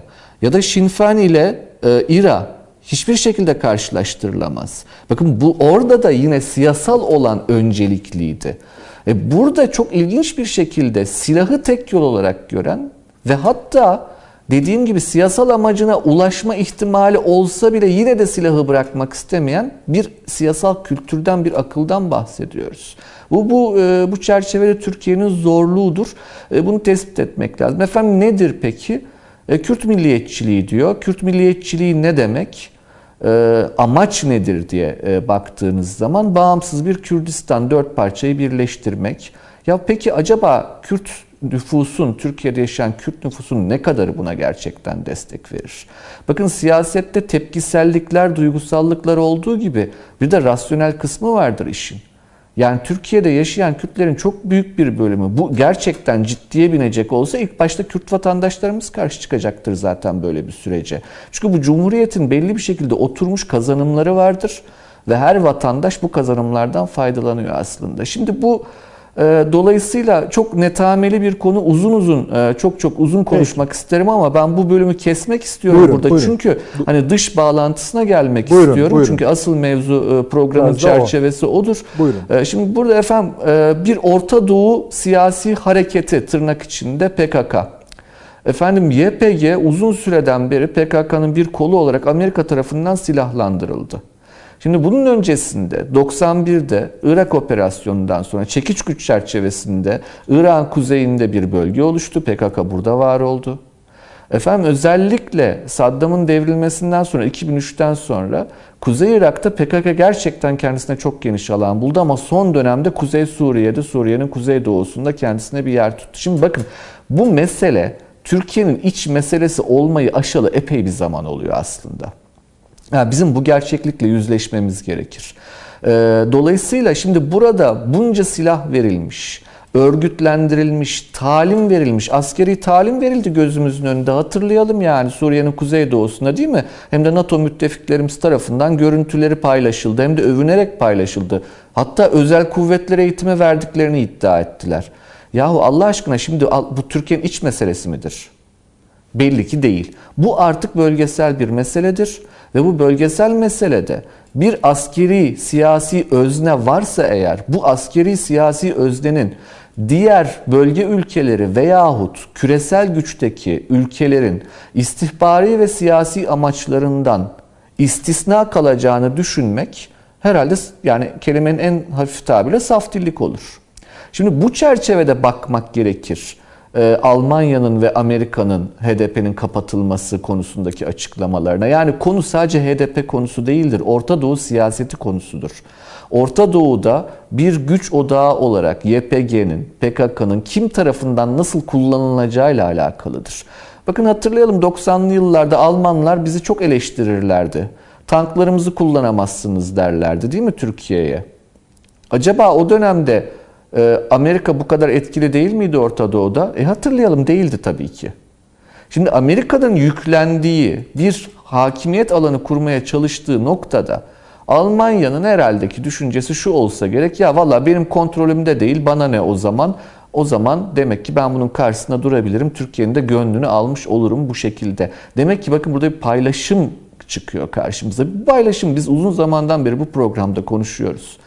YPG yani Suriye'nin 2011'de e, başlayan iç savaştan sonra şu an geldiği durum e, ve bu durumun içerisinde YPG'nin Amerika tarafından silahlandırılıyor olması ve bunun çeşitli tırnak içinde söyleyeyim Rusovari Süleyman Hoca'nın bahsettiği gibi romantik söylemlerle meşrulaştırılmaya çalışılması.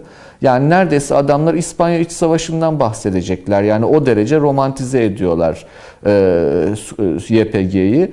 E, bunun yanında ama işte belli amaçlar olduğu belli. Şimdi bütün bu çerçeve içerisinde bakıldığında HDP'nin kapatılmasında hangi ülkenin nasıl tavır alacağını öngörmek de mümkündür, anlamlandırmak da mümkündür. Almanya şunu açık açık söylüyor. Ya ben bu coğrafyadan, bu oyundan tamamen çıkarıldım. Dolayısıyla benim elimde bu kartı tutmam çok anlamlı olmayabilir. Çünkü bedeli yani alternatif maliyeti Türkiye'yi çok kızdırmak. Ama Amerika inat ederek hala YPG kartı üzerinde oynadığını söylüyor. Ben bunu e, söylemekten dilimde tüy bitti. Efendim S-400'ler sorun mu Türkiye-Amerika arasında? Hayır değil. Efendim NATO'da sorun mu var Türkiye-Amerika arasında? Hayır yok. Bir tane sorunumuz var efendim bizim Amerika ile. Tek bir tane sorunumuz var. En önemli sorun. Tabii ki başka sorunlar da var ama düzeltiyorum. En önemli sorunumuz Amerika'nın YPG ile kurduğu ilişkilerdir. Şimdi bu çerçevede Amerika'dan gelen HDP'nin e, kapatılmasına verilen tepki e, belli bir tutarlılığı gösterir bence. Hani bir iç tutarlılığını ben tespit edebiliyorum. E, bu noktada Rusya'nın ne diyeceği çok önemlidir. Zannetmiyorum ki çok fazla bu konuda muhatap olsun. E, ama aynı anda zannediyorum ki bütün bu Orta Doğu denklemi içerisinde YPG'nin Amerika tarafından bir güç haline getirilmesi ve bu güç üzerinden şu an Türkiye ile ilişkilerin bir şekilde bu hale aldığının tespit edilmesi üzerinden e, bu ilişkilerin yani HDP'nin kapatılmasına dair bu sürecin Amerika ile ilişkilerde hem Türkiye'ye pek çok alan sağlayabileceği kanaatindeyim ben. Ama sorunlu bir döneme de girileceği e, konusunda da en ufak bir şüphem yok. Ama bence en önemli konu biraz önce sizin e, Süleyman Hoca e, konuşurken son dakika olarak verdiğiniz haberdi. Tel Rifat bölgesinden Türkiye'ye yapılan roketli saldırı. Bakın bu işin artık Türkiye'de bir iç siyaset, parlamenter demokrasinin bir konusu vesaire olmanın çok ötesinde bir konu olduğunu gösteren en önemli işarettir. Türkiye sınır güvenliği, sınır tehdidi yaşıyor. Kimden geliyor efendim? Terrifat'tan geliyor. Terrifat kimin kontrolünde? PYD'nin kontrolünde. Efendim PYD'ye bu silahları kim verdi? Peki bu bölgedeki politik hatlar nedir? Hangi aktörün nasıl bir e, politik çıkarı ve planı vardır? Ve şimdi bütün bunlar yokmuş gibi sadece içeride e, efendim demokratik ilkeler gereği milletvekillerinin dokunulmazlığı vesaire efendim partilerin kapatılmasının ilkesel olarak doğru olmadığı cümlelerini kurmak Bakın hakikatin çok büyük bir kısmını görmezden gelme çabasıdır sadece ve sadece. O çerçevede bütün bu uluslararası stratejik denge içerisinde ve Orta Doğu'da artık uluslararasılaşmış bir e, hareketin uzantısı olarak Türkiye iç siyasetini etkileyen bir faktör olarak değerlendirilmesi gerektiği kanaatindeyim ben HDP'nin ve e, bu kapatılma ya da e, dava sürecinin e, hani bu böyle olmalıdır, şöyle olmalıdır, bu doğrudur, bu yanlıştır anlamına gelmesin lütfen söylediğim şeyler. Ama mevzu sadece Türkiye'nin parlamentosuyla alakalı bir mevzu olmayı aşalı epeyce bir zaman olmuştur. Orada da e, ben her ne olursa olsun Türkiye Büyük Millet Meclisi'nin vekillerine e, saygımı asla kaybetmek istemem. O noktada HDP'li vekillerinde mutlaka şunu düşünüyor olmaları gerekir. Bu iş Türkiye'nin demokrasisi açısından mutlaka ve mutlaka e, suhuletle çözülmesi gereken önemli bir konudur. E, zannediyorum herkesin hani e, şapkayı öne koyup e, kafayı iki elin arasına alıp düşünmesi gereken zamanlardır bunlar diye düşünüyorum. Peki teşekkür ediyorum. Sağ olun. Bir şey, Ee, şöyle yani ben tabii... Avni Bey de galiba öyle. Tamam buyurun Süleyman Hocam. Buyurun buyurun Süleyman Hocam. Hayır tamam. Estağfurullah. hocam buyurun.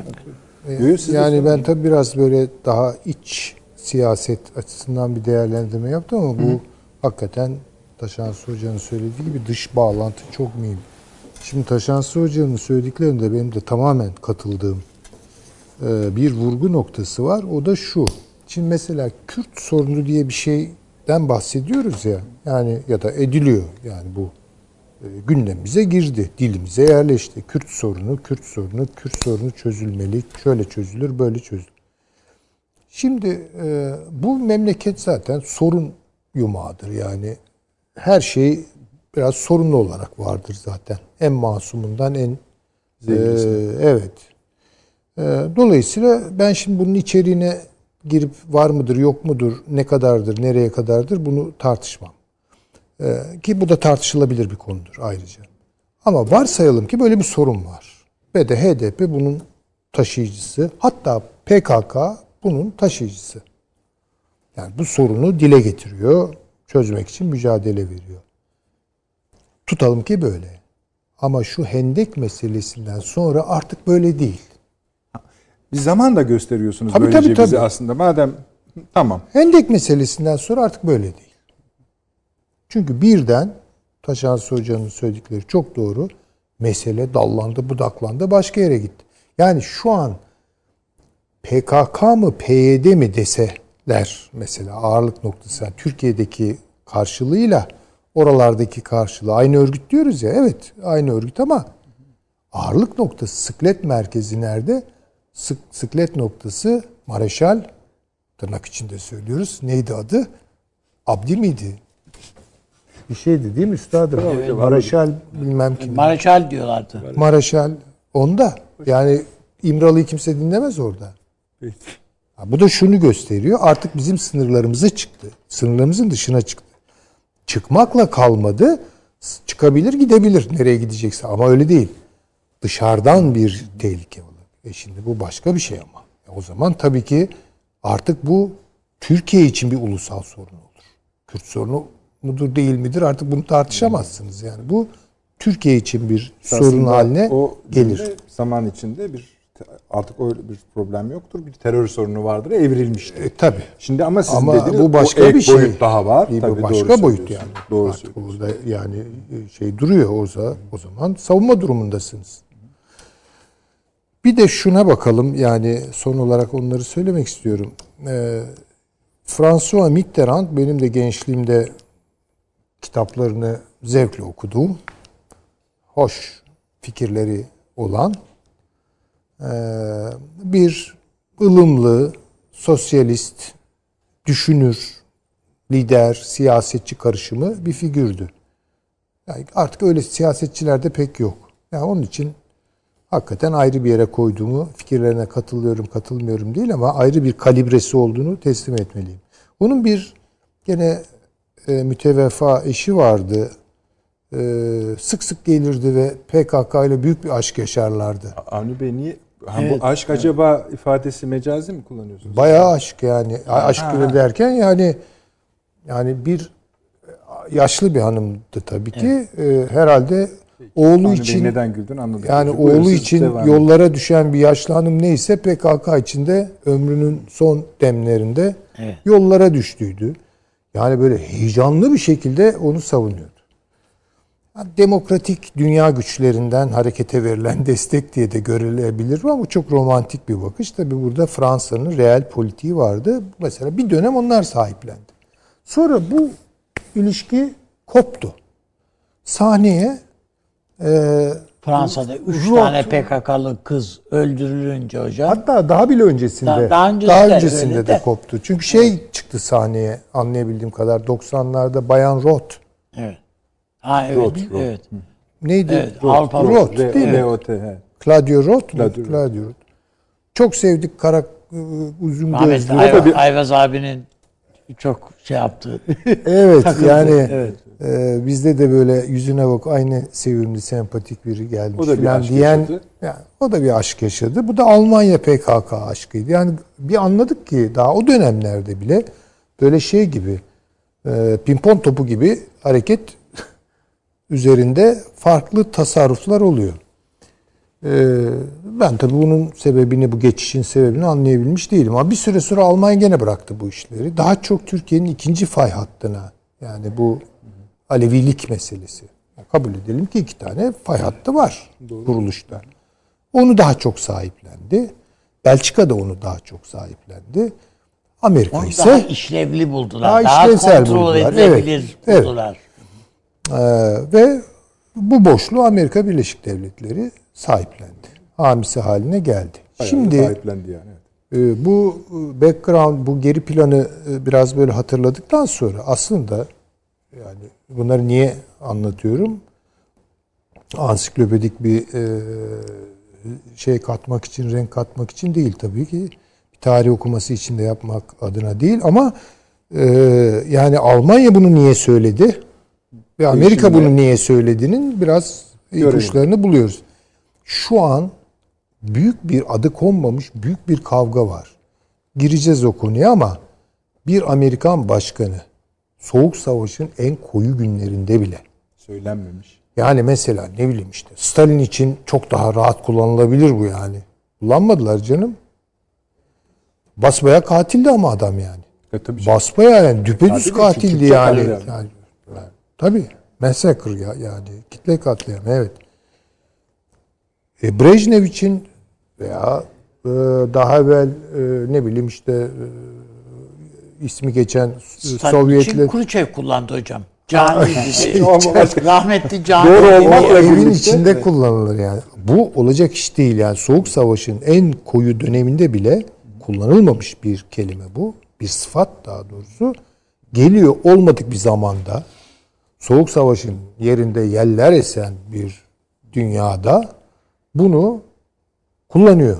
Valla ben ilk duyduğumda şöyle dedim. Ya bu herhalde artık yaşlılık. Yani kontrolden çıktı. Çünkü yaşlandıkça beyin dil ilişkisi biraz tuhaflaşıyor. Soruyorlar sabahleyin. Yok bundan pişman değil. Demek ki bilinçli kullandı bunu. Sonra Dışişleri de aynı yönde açıklama yaptı. Sonra Beyaz Saray'da. Şimdi bir dakika. Çünkü Sonra aksine niye- yumuşatmaya çalışsalar bizim başkan hastadır manasına da da gelecek. Belki de yani hakikaten ağzından kaçırdı adam bilmiyorum ama sahip Soru- çıkılıyorsa artık Soru önemli üzerine değil. geldiği için böyle bir şüphe var evet yani. Ama sahip çıkmayacak. Ama soru zaten ona Tevil direkt edecektir. bir şey değil de katil demek istiyorsunuz değil mi diye. Sorun, evet, Gelince adam hı dedi. Ee, işte yani. Şimdi şöyle bakalım meseleye bence. Bunun adresi Putin miydi? Bence Putin değildi. Evet tabii adres onu gösteriyor ama bu aslında Avrupa'ya bence söylenmiş okkalı bir laftı. Yani Biden diyor ki bak ben Rusya'yı özel olarak böyle tarif ediyorum. Yani artık Rusya benim için yeni soğuk savaş demek zaten. Soğuk savaşı yeniden başlatıyorum demek. İleride belki bu dönemin tarihi yazılırsa soğuk savaş bu sözle başladı. İkinci soğuk savaş gibi bir şey de söylenebilir. Bu doğrudan Almanya'ya bir mesaj. Bu doğrudan artık yavaş yavaş Amerika'nın beklentilerini Amerika'dan karşılayacağını e, karşılayamayacağını anlayan Fransa'ya bu laf. Ey Avrupa titre Ve kendine. kendine dön. Ben bu işi çok sıkı Aslında bana tutacağım. dön demek istiyor. Bana dön ve benim bana dön. kontrolüm altına gir. Aynı Biden PKK'yı, PYD'yi yoğun bir şekilde sahiplendiğini söylüyor.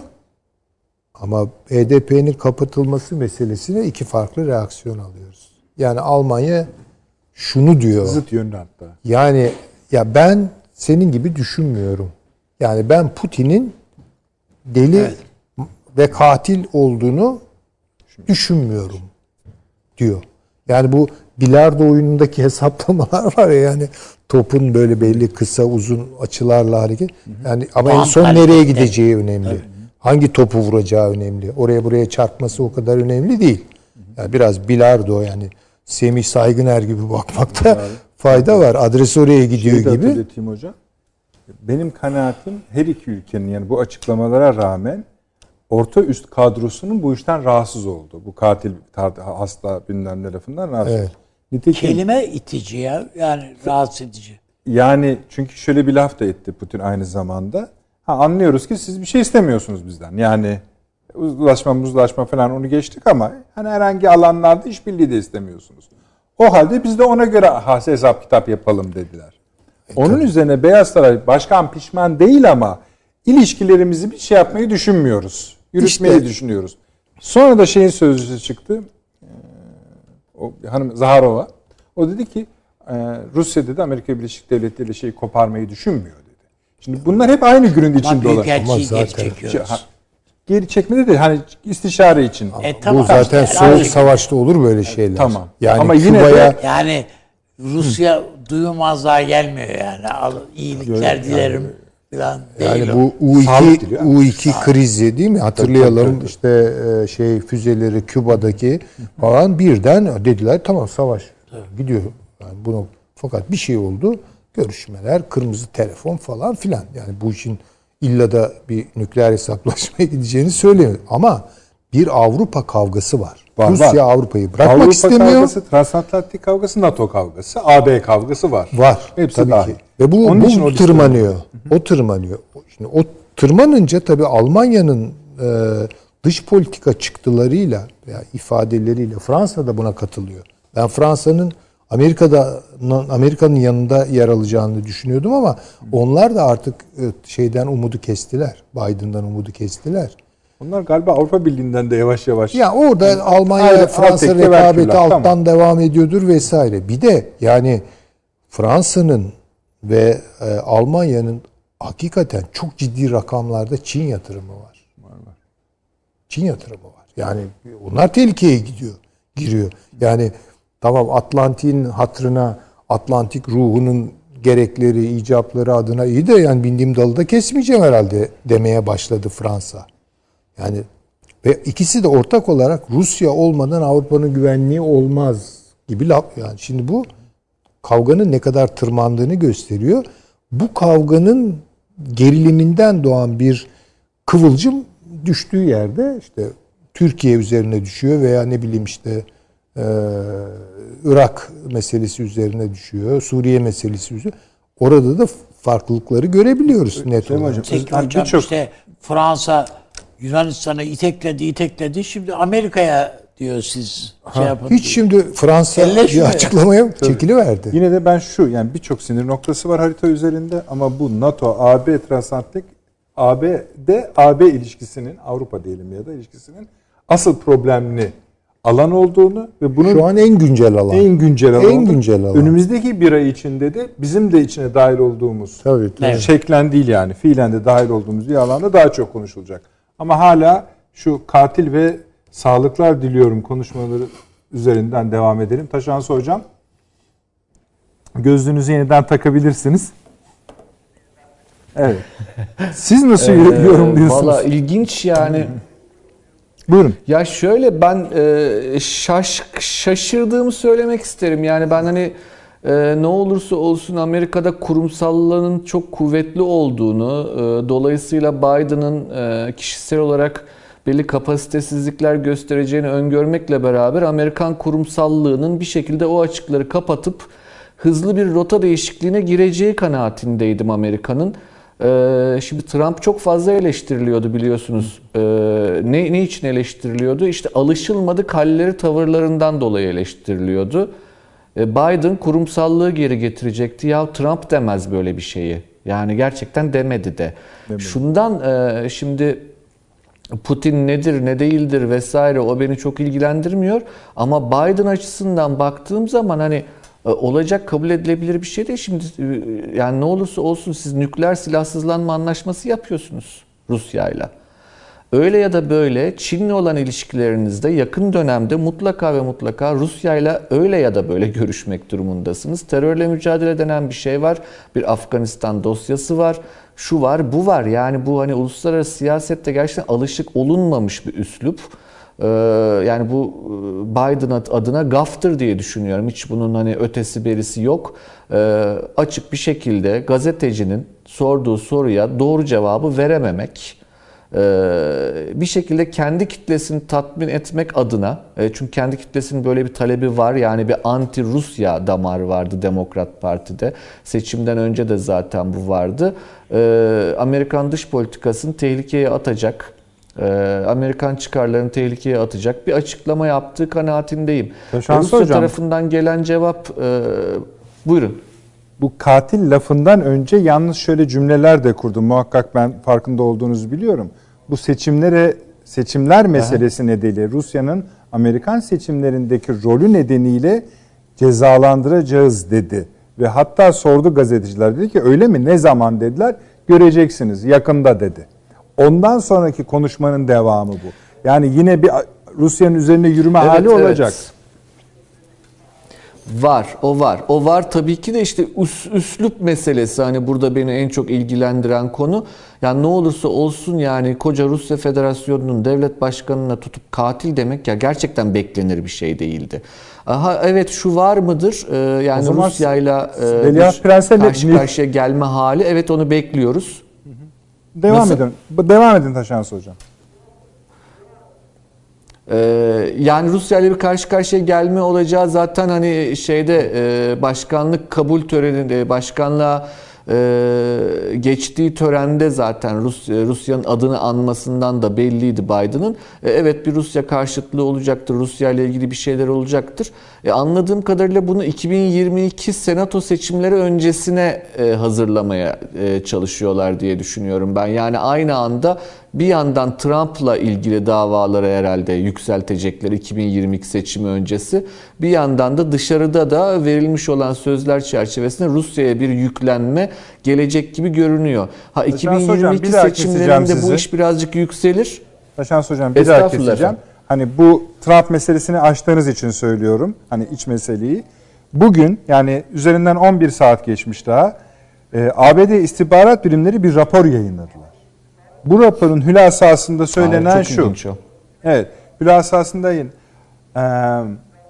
ülke içindeki farklı aşırılık yanlılarının ABD hükümetine yönelik saldırı planlarını hayata geçirmesinden endişeliyiz dediler. Son cümle yani sonuç cümlesi bu. Rapor analiz doğru. ediyor ve bunu hükümete Vallahi sunuyor.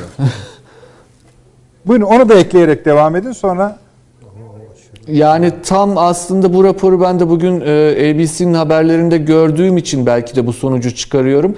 E, Yani bir şekilde bir hazırlık yapıldığı belli. Çünkü e, açık bir şekilde Demokrat Parti iktidarı 2022'de çok zorlanacak. 2024'te de biraz zor görünüyor işleri. O yüzden adım adım adım bir iç siyasette e, bunu daha önce kriminalizasyon olarak tabir etmiştim ben. E, kriminalizasyon tabirini kullanmıştım. Böyle tarif etmiştim.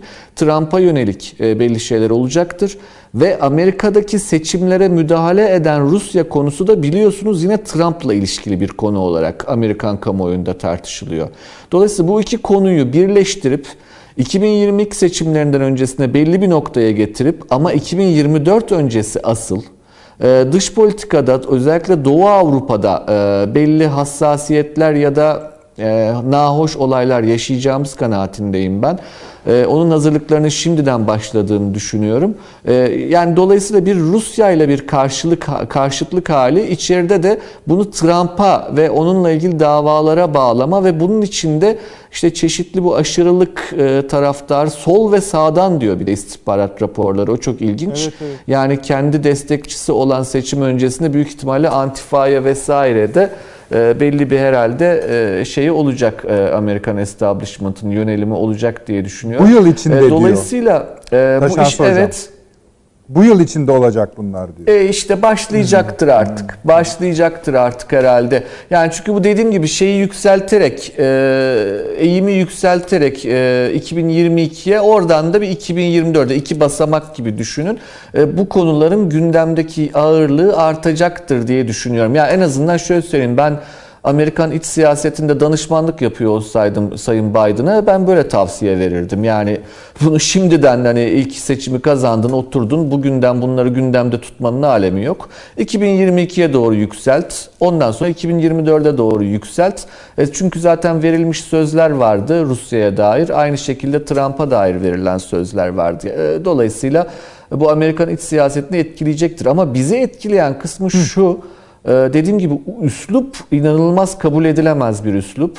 Ee, Bu dünya siyasetini çok e, gerer diye düşünüyorum. Bu sadece Amerika-Rusya ilişkilerini değil, dünya siyasetini gerer. Başka tarafları da sirayet edebilir bu üslupsuzluk hali. Ee, Bunu tehlikeli bulurum ben e, dünya barışı açısından. Birincisi bu. İkincisi e, Avrupa'nın Biden'dan beklentilerini Biden'ın hiçbir şekilde karşılayamadığını ve Avrupa'nın ciddi bir hayal kırıklığı içinde olduğunu kabul etmemiz gerekiyor. Yani Trump'tan daha farklı bir şekilde e, daha yumuşak Obama tarzı bir e, yönetim bekledi Avrupalılar. E, Bu karşılığı bulamadılar. Çünkü zaten kendileri de değişmişti. Dolayısıyla Biden dönemi artık başka bir dönem. Yeni bir Obama dönemi değil. Avrupa'da bunun farkında. Orada bir kopuş olduğunu tespit etmemiz gerekir. Yani Atlantik içi dengeye de bir kopuş var. Bunun Rusya yani do, dolayısıyla Doğu Avrupa ve Karadeniz ilişkilerine ve NATO'nun planlarına nasıl yansıyacağı çok iyi takip edilmeli. Dün ya da bugündü yanlış hatırlamıyorsam e, Gürcistanlı e, Evet, Gürcü yetkililerle Stoltenberg'in görüşmeleri oldu. E, Orada da Savaş işte değil, NATO gemileri orada, bizimki dahil. vurgu yapıldı. Karadeniz'in öneminin altı çizildi Stoltenberg tarafından. Yani orada bir Doğu Avrupa'dan başlayıp Karadeniz'i içine alan bir hat var. O hat işte Rusya'nın batı ve güney hattı. E, O hatta bir ısınma herhalde 2022-2024 çerçevesinde Peki oluşacaktır diye düşünüyorum. Ha Türkiye, doğrudan Amerika-Türkiye ilişkileri açısından bakacak olursak da e, ben hani e, Türkiye konusunda Biden'ın seçimden önceki tüm e, çok net tavırlarına rağmen şu an çok kararsız olduğu kanaatindeyim. Bunu daha önce de söylemiştim. bilmiyor, ne yapacağını Rusya'ya bilmiyor. karşı duruşu net. Su bilemiyor. Kesinlikle öyle. Ne yapacağını bilemiyor. Yani e, çok net konuştu ama bunu yapacak gücü yok. E, Türkiye o eski Türkiye değil. E, dolayısıyla verdiği sözleri tutacak olursa kaybedeceği, Amerikan çıkarları adına kaybedeceği çok şey olduğunun farkında. Bir hesap kitap yaptıkları kanaatindeyim Amerikalıların da ben. E, hani Avrupalılara verdikleri bu yaptırımları geri çekin, e, şimdilik bir şey yapmayın mesajında da ee, Evet, e, gerekirse beraber yaparız yaklaşımı var ama ya biz de daha henüz karar veremedik de aslında söylenmiş oluyor diye düşünüyorum. Peki. Ee, Ama dediğim gibi beni en çok ilgilendiren husus bu genel usul, üslupsuzluk hali e, bu dünyayı çok e, riskli, tehlikeli bir döneme sokar. Ben Putin'in cevabında çok şey buldum gerçekten. Çok medeni ve e, çok yerli Bugün yerinde bir sosyal cevaptı. medyada da Yani çok kişi konuşuldu bu konuya bilir. ilgi duyanlar Çok açısından. doğru bir cevap yani. Moral üstünlük. Yani bir evet yani. Peki çok teşekkür ediyorum Taşan Hocam. Avni abi. Evet. İki üç tane sorum var. Bir, bu gerilim bize niye bize fayda getirmez mi? Bir, yani ikisi arasındaki gerilim. İki, bu e, ABD Avrupa arasındaki gerilim bize fayda getirmez mi? Aslında şöyle yani biz şu anda e, Avrupa Birliği'nden gelecek e, şeylere e, önemsiyoruz. Tamam. Bu gerilimde de tabii bizim için yani mesela Rusya'nın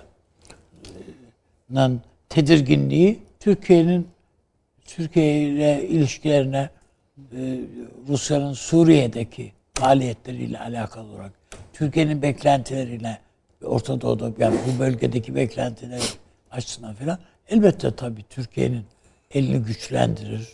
Meramını anlatmasını güçlendirir. Ancak ABD'nin de bu bölgeye ilişkin şeyleri var. Hesapları, kitapları var. Yani düşünebiliyor musunuz? Biz bugün HDP'yi mesela konuşuyoruz. Eğer HDP veyahut da hatta HDP'den bir adım öte yani PKK bir Kürt hareketi olsa, bir Kürt grup olsa yani terör tamam kabullenilemez falan filan ama e, var dersin yani. Ama şu anda PKK bir Amerikan hareketi. Öyle. Yani biz buna bir takım böyle Kürtçülük filan vehme diyoruz.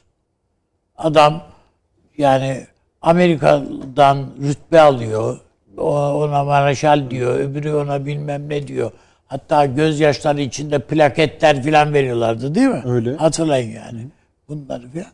Yani dolayısıyla bu bir Kürt hareketi değil. Yani o Bununla şeyin bağlantılı- gün bak abi yani göz, ekrana yansır onun için Evet. göstermiyorum efendim. Ee, Suriye özel temsilcisi yardımcısı Büyükelçi Amerika'nın şeye Evet. gitti.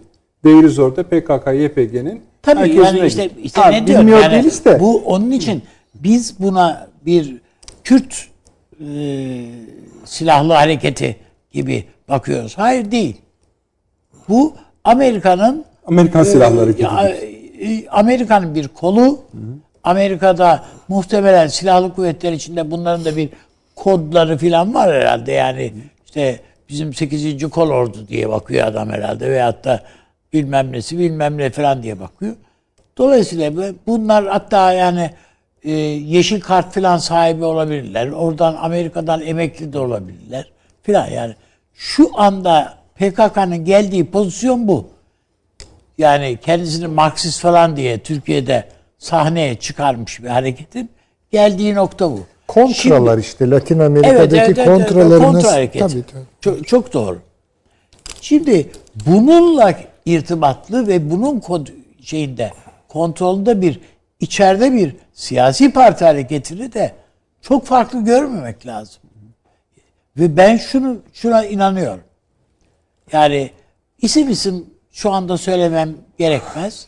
Ama HDP içerisinde pek çok insanın, HDP'de siyaset yapan pek çok insanın bu PKK'nın vardan rahatsız olduğunu da biliyorum. Tabii. Yani bakmayın o hani Altantan falan gibi çok maruf bir takım onlar dışarıya çıktılar. O ayrı mesele. Onlar değil. Kürt hareketinin içinde, PKK'nın içinde uzun yıllar bulunmuş insanlar, sonradan Helsinki komitesine şuna buna katılmış falan insanlardan PKK'yı eleştirerek dışı kendisini dışlayan, dışarıda gören insanlar var. Bu insanların açıkça PKK filan e, bu TUKK diyememelerinin sebebi korku. Örgütün korkusu. PKK iç infazları şimdiye kadar 20 bin Kürdü öldürmüş. İç infazlar. Yani Almanya'da, Türkiye'de, şurada burada yani. Yani Kendi Türkiye'deki terör eylemleri sırasında da birçok Kürt'ü öldürdü. Tabii. Onlar haricinde Evet, de- harici. Ya parti partiye yakın gördü insanları. Almanya'da sırf bununla yani e, bu bu konuda yayın yapan ve hala saklanmak mevkiinde olan PKK'dan saklanarak yaşayan insanlar var. Onun için yani bunları ha Türkiye bunlara el atmadı mı? Atmadı. Yani nasıl bu insanlar e, şu anda o pozisyonlarını muhafaza ediyorlar? Hayret edilir yani. Peki. Ama bu insanların e, Kürt hareketi, Kürt toplumu içerisinde kabul gördüğünü de biliyoruz. Onun için ben e, önümüzdeki dönemin bu manada inşallah ya daha hayırlı vesile olur. Olur mu? On, bu pek kapatma davasının falan pek faydası olacağını düşünmüyorum bu manada ama dediğim gibi e, bir iç tartışmaya zemin olur mu? Keşke olsaydı. Peki. Aynı soruyu size soruyorum Süleyman Hocam. ABD-Rusya arasındaki durum ve ABD-Avrupa arasındaki durum, uluslararası kurumları unutmadan NATO'su, Avrupa Birliği, şusu busu, Türkiye'ye ne fayda sağlar? İlla fayda sağlaması gerekmiyor ama fırsatlar ve riskler bütünlüklüdür. Yani bir kere e, ben e, Taşansı Hoca'nın söylediklerini dinlerken doğrusu şöyle bir içimden geçirdim. Acaba e, o tespitlere tam katılamadığım bir yer var mı? E, birçoğuna katılıyorum tabii. E, fakat Amerika Birleşik Devletleri Türkiye'ye ne yapacağını bilmiyor. Ha. Bence biliyor. Bence biliyor zaten deklare etti. Yani ben Erdoğan'ın devrilmesini istiyorum. Ha, o Biden'ın daha önceki konuşmasından hareket Ama çok Tamam. mühim. Yani bu hangi niyette olduğunu gösterir bir kere. Yani. Tabii tabii. Bir kere yani. Çünkü hani şeyler değişir. Siyasetler değişebilir ama niyetleri değiştirmek çok zordur. Bir süre sonra niyetler ağırlığını koyar. En niyet dışı şeyler bile niyetinize tabi olmaya başlar. Bence biliyorlar. Yani bir kere Türkiye'de işte Cumhur İttifakı deniliyor. İşte Erdoğan iktidarı deniliyor. MHP destekli AK Parti iktidarı neyse yani adı. Bu sütunu bir kere istemiyorlar. İstemiyorlar. Ee, ve diyor mümkün olduğu kadar diyor tabii bunu demokratik yollardan işte muhalefeti desteklemek suretiyle. Bu da nasıl bir şeydir ya? Bu da nasıl bir e, e, demokrasi terbiyesidir yani? Hocam ben böyleler senin ama. e böyleler yani bir de hani artık bunu fütursuzca söylüyorlar. Yani şu bu Türkiye'nin iç işleridir. Türkiye'de insanlar işte bakarız seçimler yapılıyor mu yapılmıyor mu? Gözlemci göndeririz. Sıhhatli yapılıyor mu? Bu kadar söylenir. Müdahale bu kadar olur. Gördüklerini en fazla raporlaştırırsın yani. Ay bir de diyor onları diyor destekleyeceğiz diyor. Onlara onları devirteceğiz falan. Böyle laflar Evet. ediyor. O çok demokrat Biden. Bunu istemiyorlar. Türkiye'nin yeniden NATO ayarlarına dönmesini istiyorlar. Türkiye'nin yeniden NATO ayarlarına dönmesinin bir tek bence e, e, sonucu olabilir. Türkiye parçalanır. Yani şöyle düşünüyorsa insanlar "Can, NATO ile yeniden ilişkiler düzelir. Yeniden işte soğuk savaş günlerinde olduğu gibi veya Telafi yumuşama dönemleri hele hele yani alışkanlıklar ha, soğuk savaşın güzel dönemleri de işte yumuşama dönemleri öyle işte gider yani bu iş. Hayır öyle gitmeyecek. Türkiye'nin NATO ayarlarına dönmesi demek altını çizerek söylüyorum. Türkiye'nin parçalanması demektir. Bunu bir kere görelim. Yani böyle tabii yani ucuz NATO'culuk yapmıyor. Ya onun için bence bak ne yapmak istediğini biliyor. Şurada katılıyorum Taşan Hoca. Bunu hangi dönemde, hangi aralıkta, hangi şekilde Ben de aynı fikirdeyim Taşan Sözcü'yle ve sizle aynı zamanda. Çok fazla açmazı var Amerika'nın Heh, Türkiye onu diyorum. konusunda. Yoksa Doğru. niyetini yapmak Yöntemi istediklerini de çok iyi söylediler esasında. Bu Türkiye'ye değil. bence nefes aldırıyor. Aynen. Bir kere mesela Mümkün olsa tekrar darbe yaptırma dener. Tabii, tabii. Denerler Ha, canım, işte onu açmazlardan biri Kesin o zaten. dener. tabii. Ama Kesin şimdi de. bunu artık yapamayacaklarını anladılar. İşte başka bir yolla yoksa Yani yapacaklarına en basit kani ifadesi olsalar şöyle. Yani yaparlar. biz bunu Erdoğan'ı devirmek istiyoruz. Efendim, ne tabii. olur dediğinizde karşısında uzun bir liste çıkıyor bu sefer. işler biraz Açmazları karışıyor. evet, Karışıyor açmazları işler. orada. Yani işler Hatta karışıyor. onları yerine getirse dahi de olmayacağını Bak, görüyorlar. ben şöyle düşünüyorum. S-400'leri görmemezlikten gelebiliriz. Efendim bu PD'yi de gözden çıkarabiliriz. Efendim F- F-35 programına sizi tekrardan alırız. Ama Tayyip Bey'le olmazmış. Bunu diyor adam yani. yani, evet. Esasında söylediği bu. Evet. Peki. Onu Yani bir de istemiyorum diyor. Tabii ş- Ya evet. ben sizin istediklerinizi yaparım ama onunla yapmam. Gibi bir Şöyle şey. bir şey de var tabii. Ona da dikkat etmek lazım bence. Başka bir şeyin hesabının peşindeler. Bunu konuşuruz. Bugün gündeme gelmedi ama ben ısrar ediyorum. Bir Türkiye-İran meselesi var. Hayır, açalım sonra. Bu üstelik PKK'yı da buraya bu devreye sokarak planlanmış bir şey. Onu konuşabiliriz. Ama bir de Avrupa Amerika gerilimi Türkiye'ye müthiş alan açıyor. Onu da söyleyebilirim Konuşalım. yani. Ee, süremizi geçtik bile. Annem çok teşekkür ediyorum. Sağ olun. teşekkür ediyoruz. Süleyman Hocam ağzınıza sağlık. Taşans Hocam yeniden geçmiş olsun. Sizi aramızda görmek çok güzel. Haftaya daha da iyileşmiş olarak bekliyoruz inşallah. Çok teşekkür ediyorum. Sağ olun. Efendim gece 01.30 tekrarımız eee, yarın yine YouTube'da baştan sona izleyebilirsiniz. Dediğimiz gibi hem biz hem editör arkadaşlarımız bütün yorumlarınızı takip ediyor. Ben şahsen de görüyorum attığınız her şeyi. E, bütün kanallardakini. E, tabii doğal olarak da en çok teşekkürümüz size. İyi geceler diliyorum.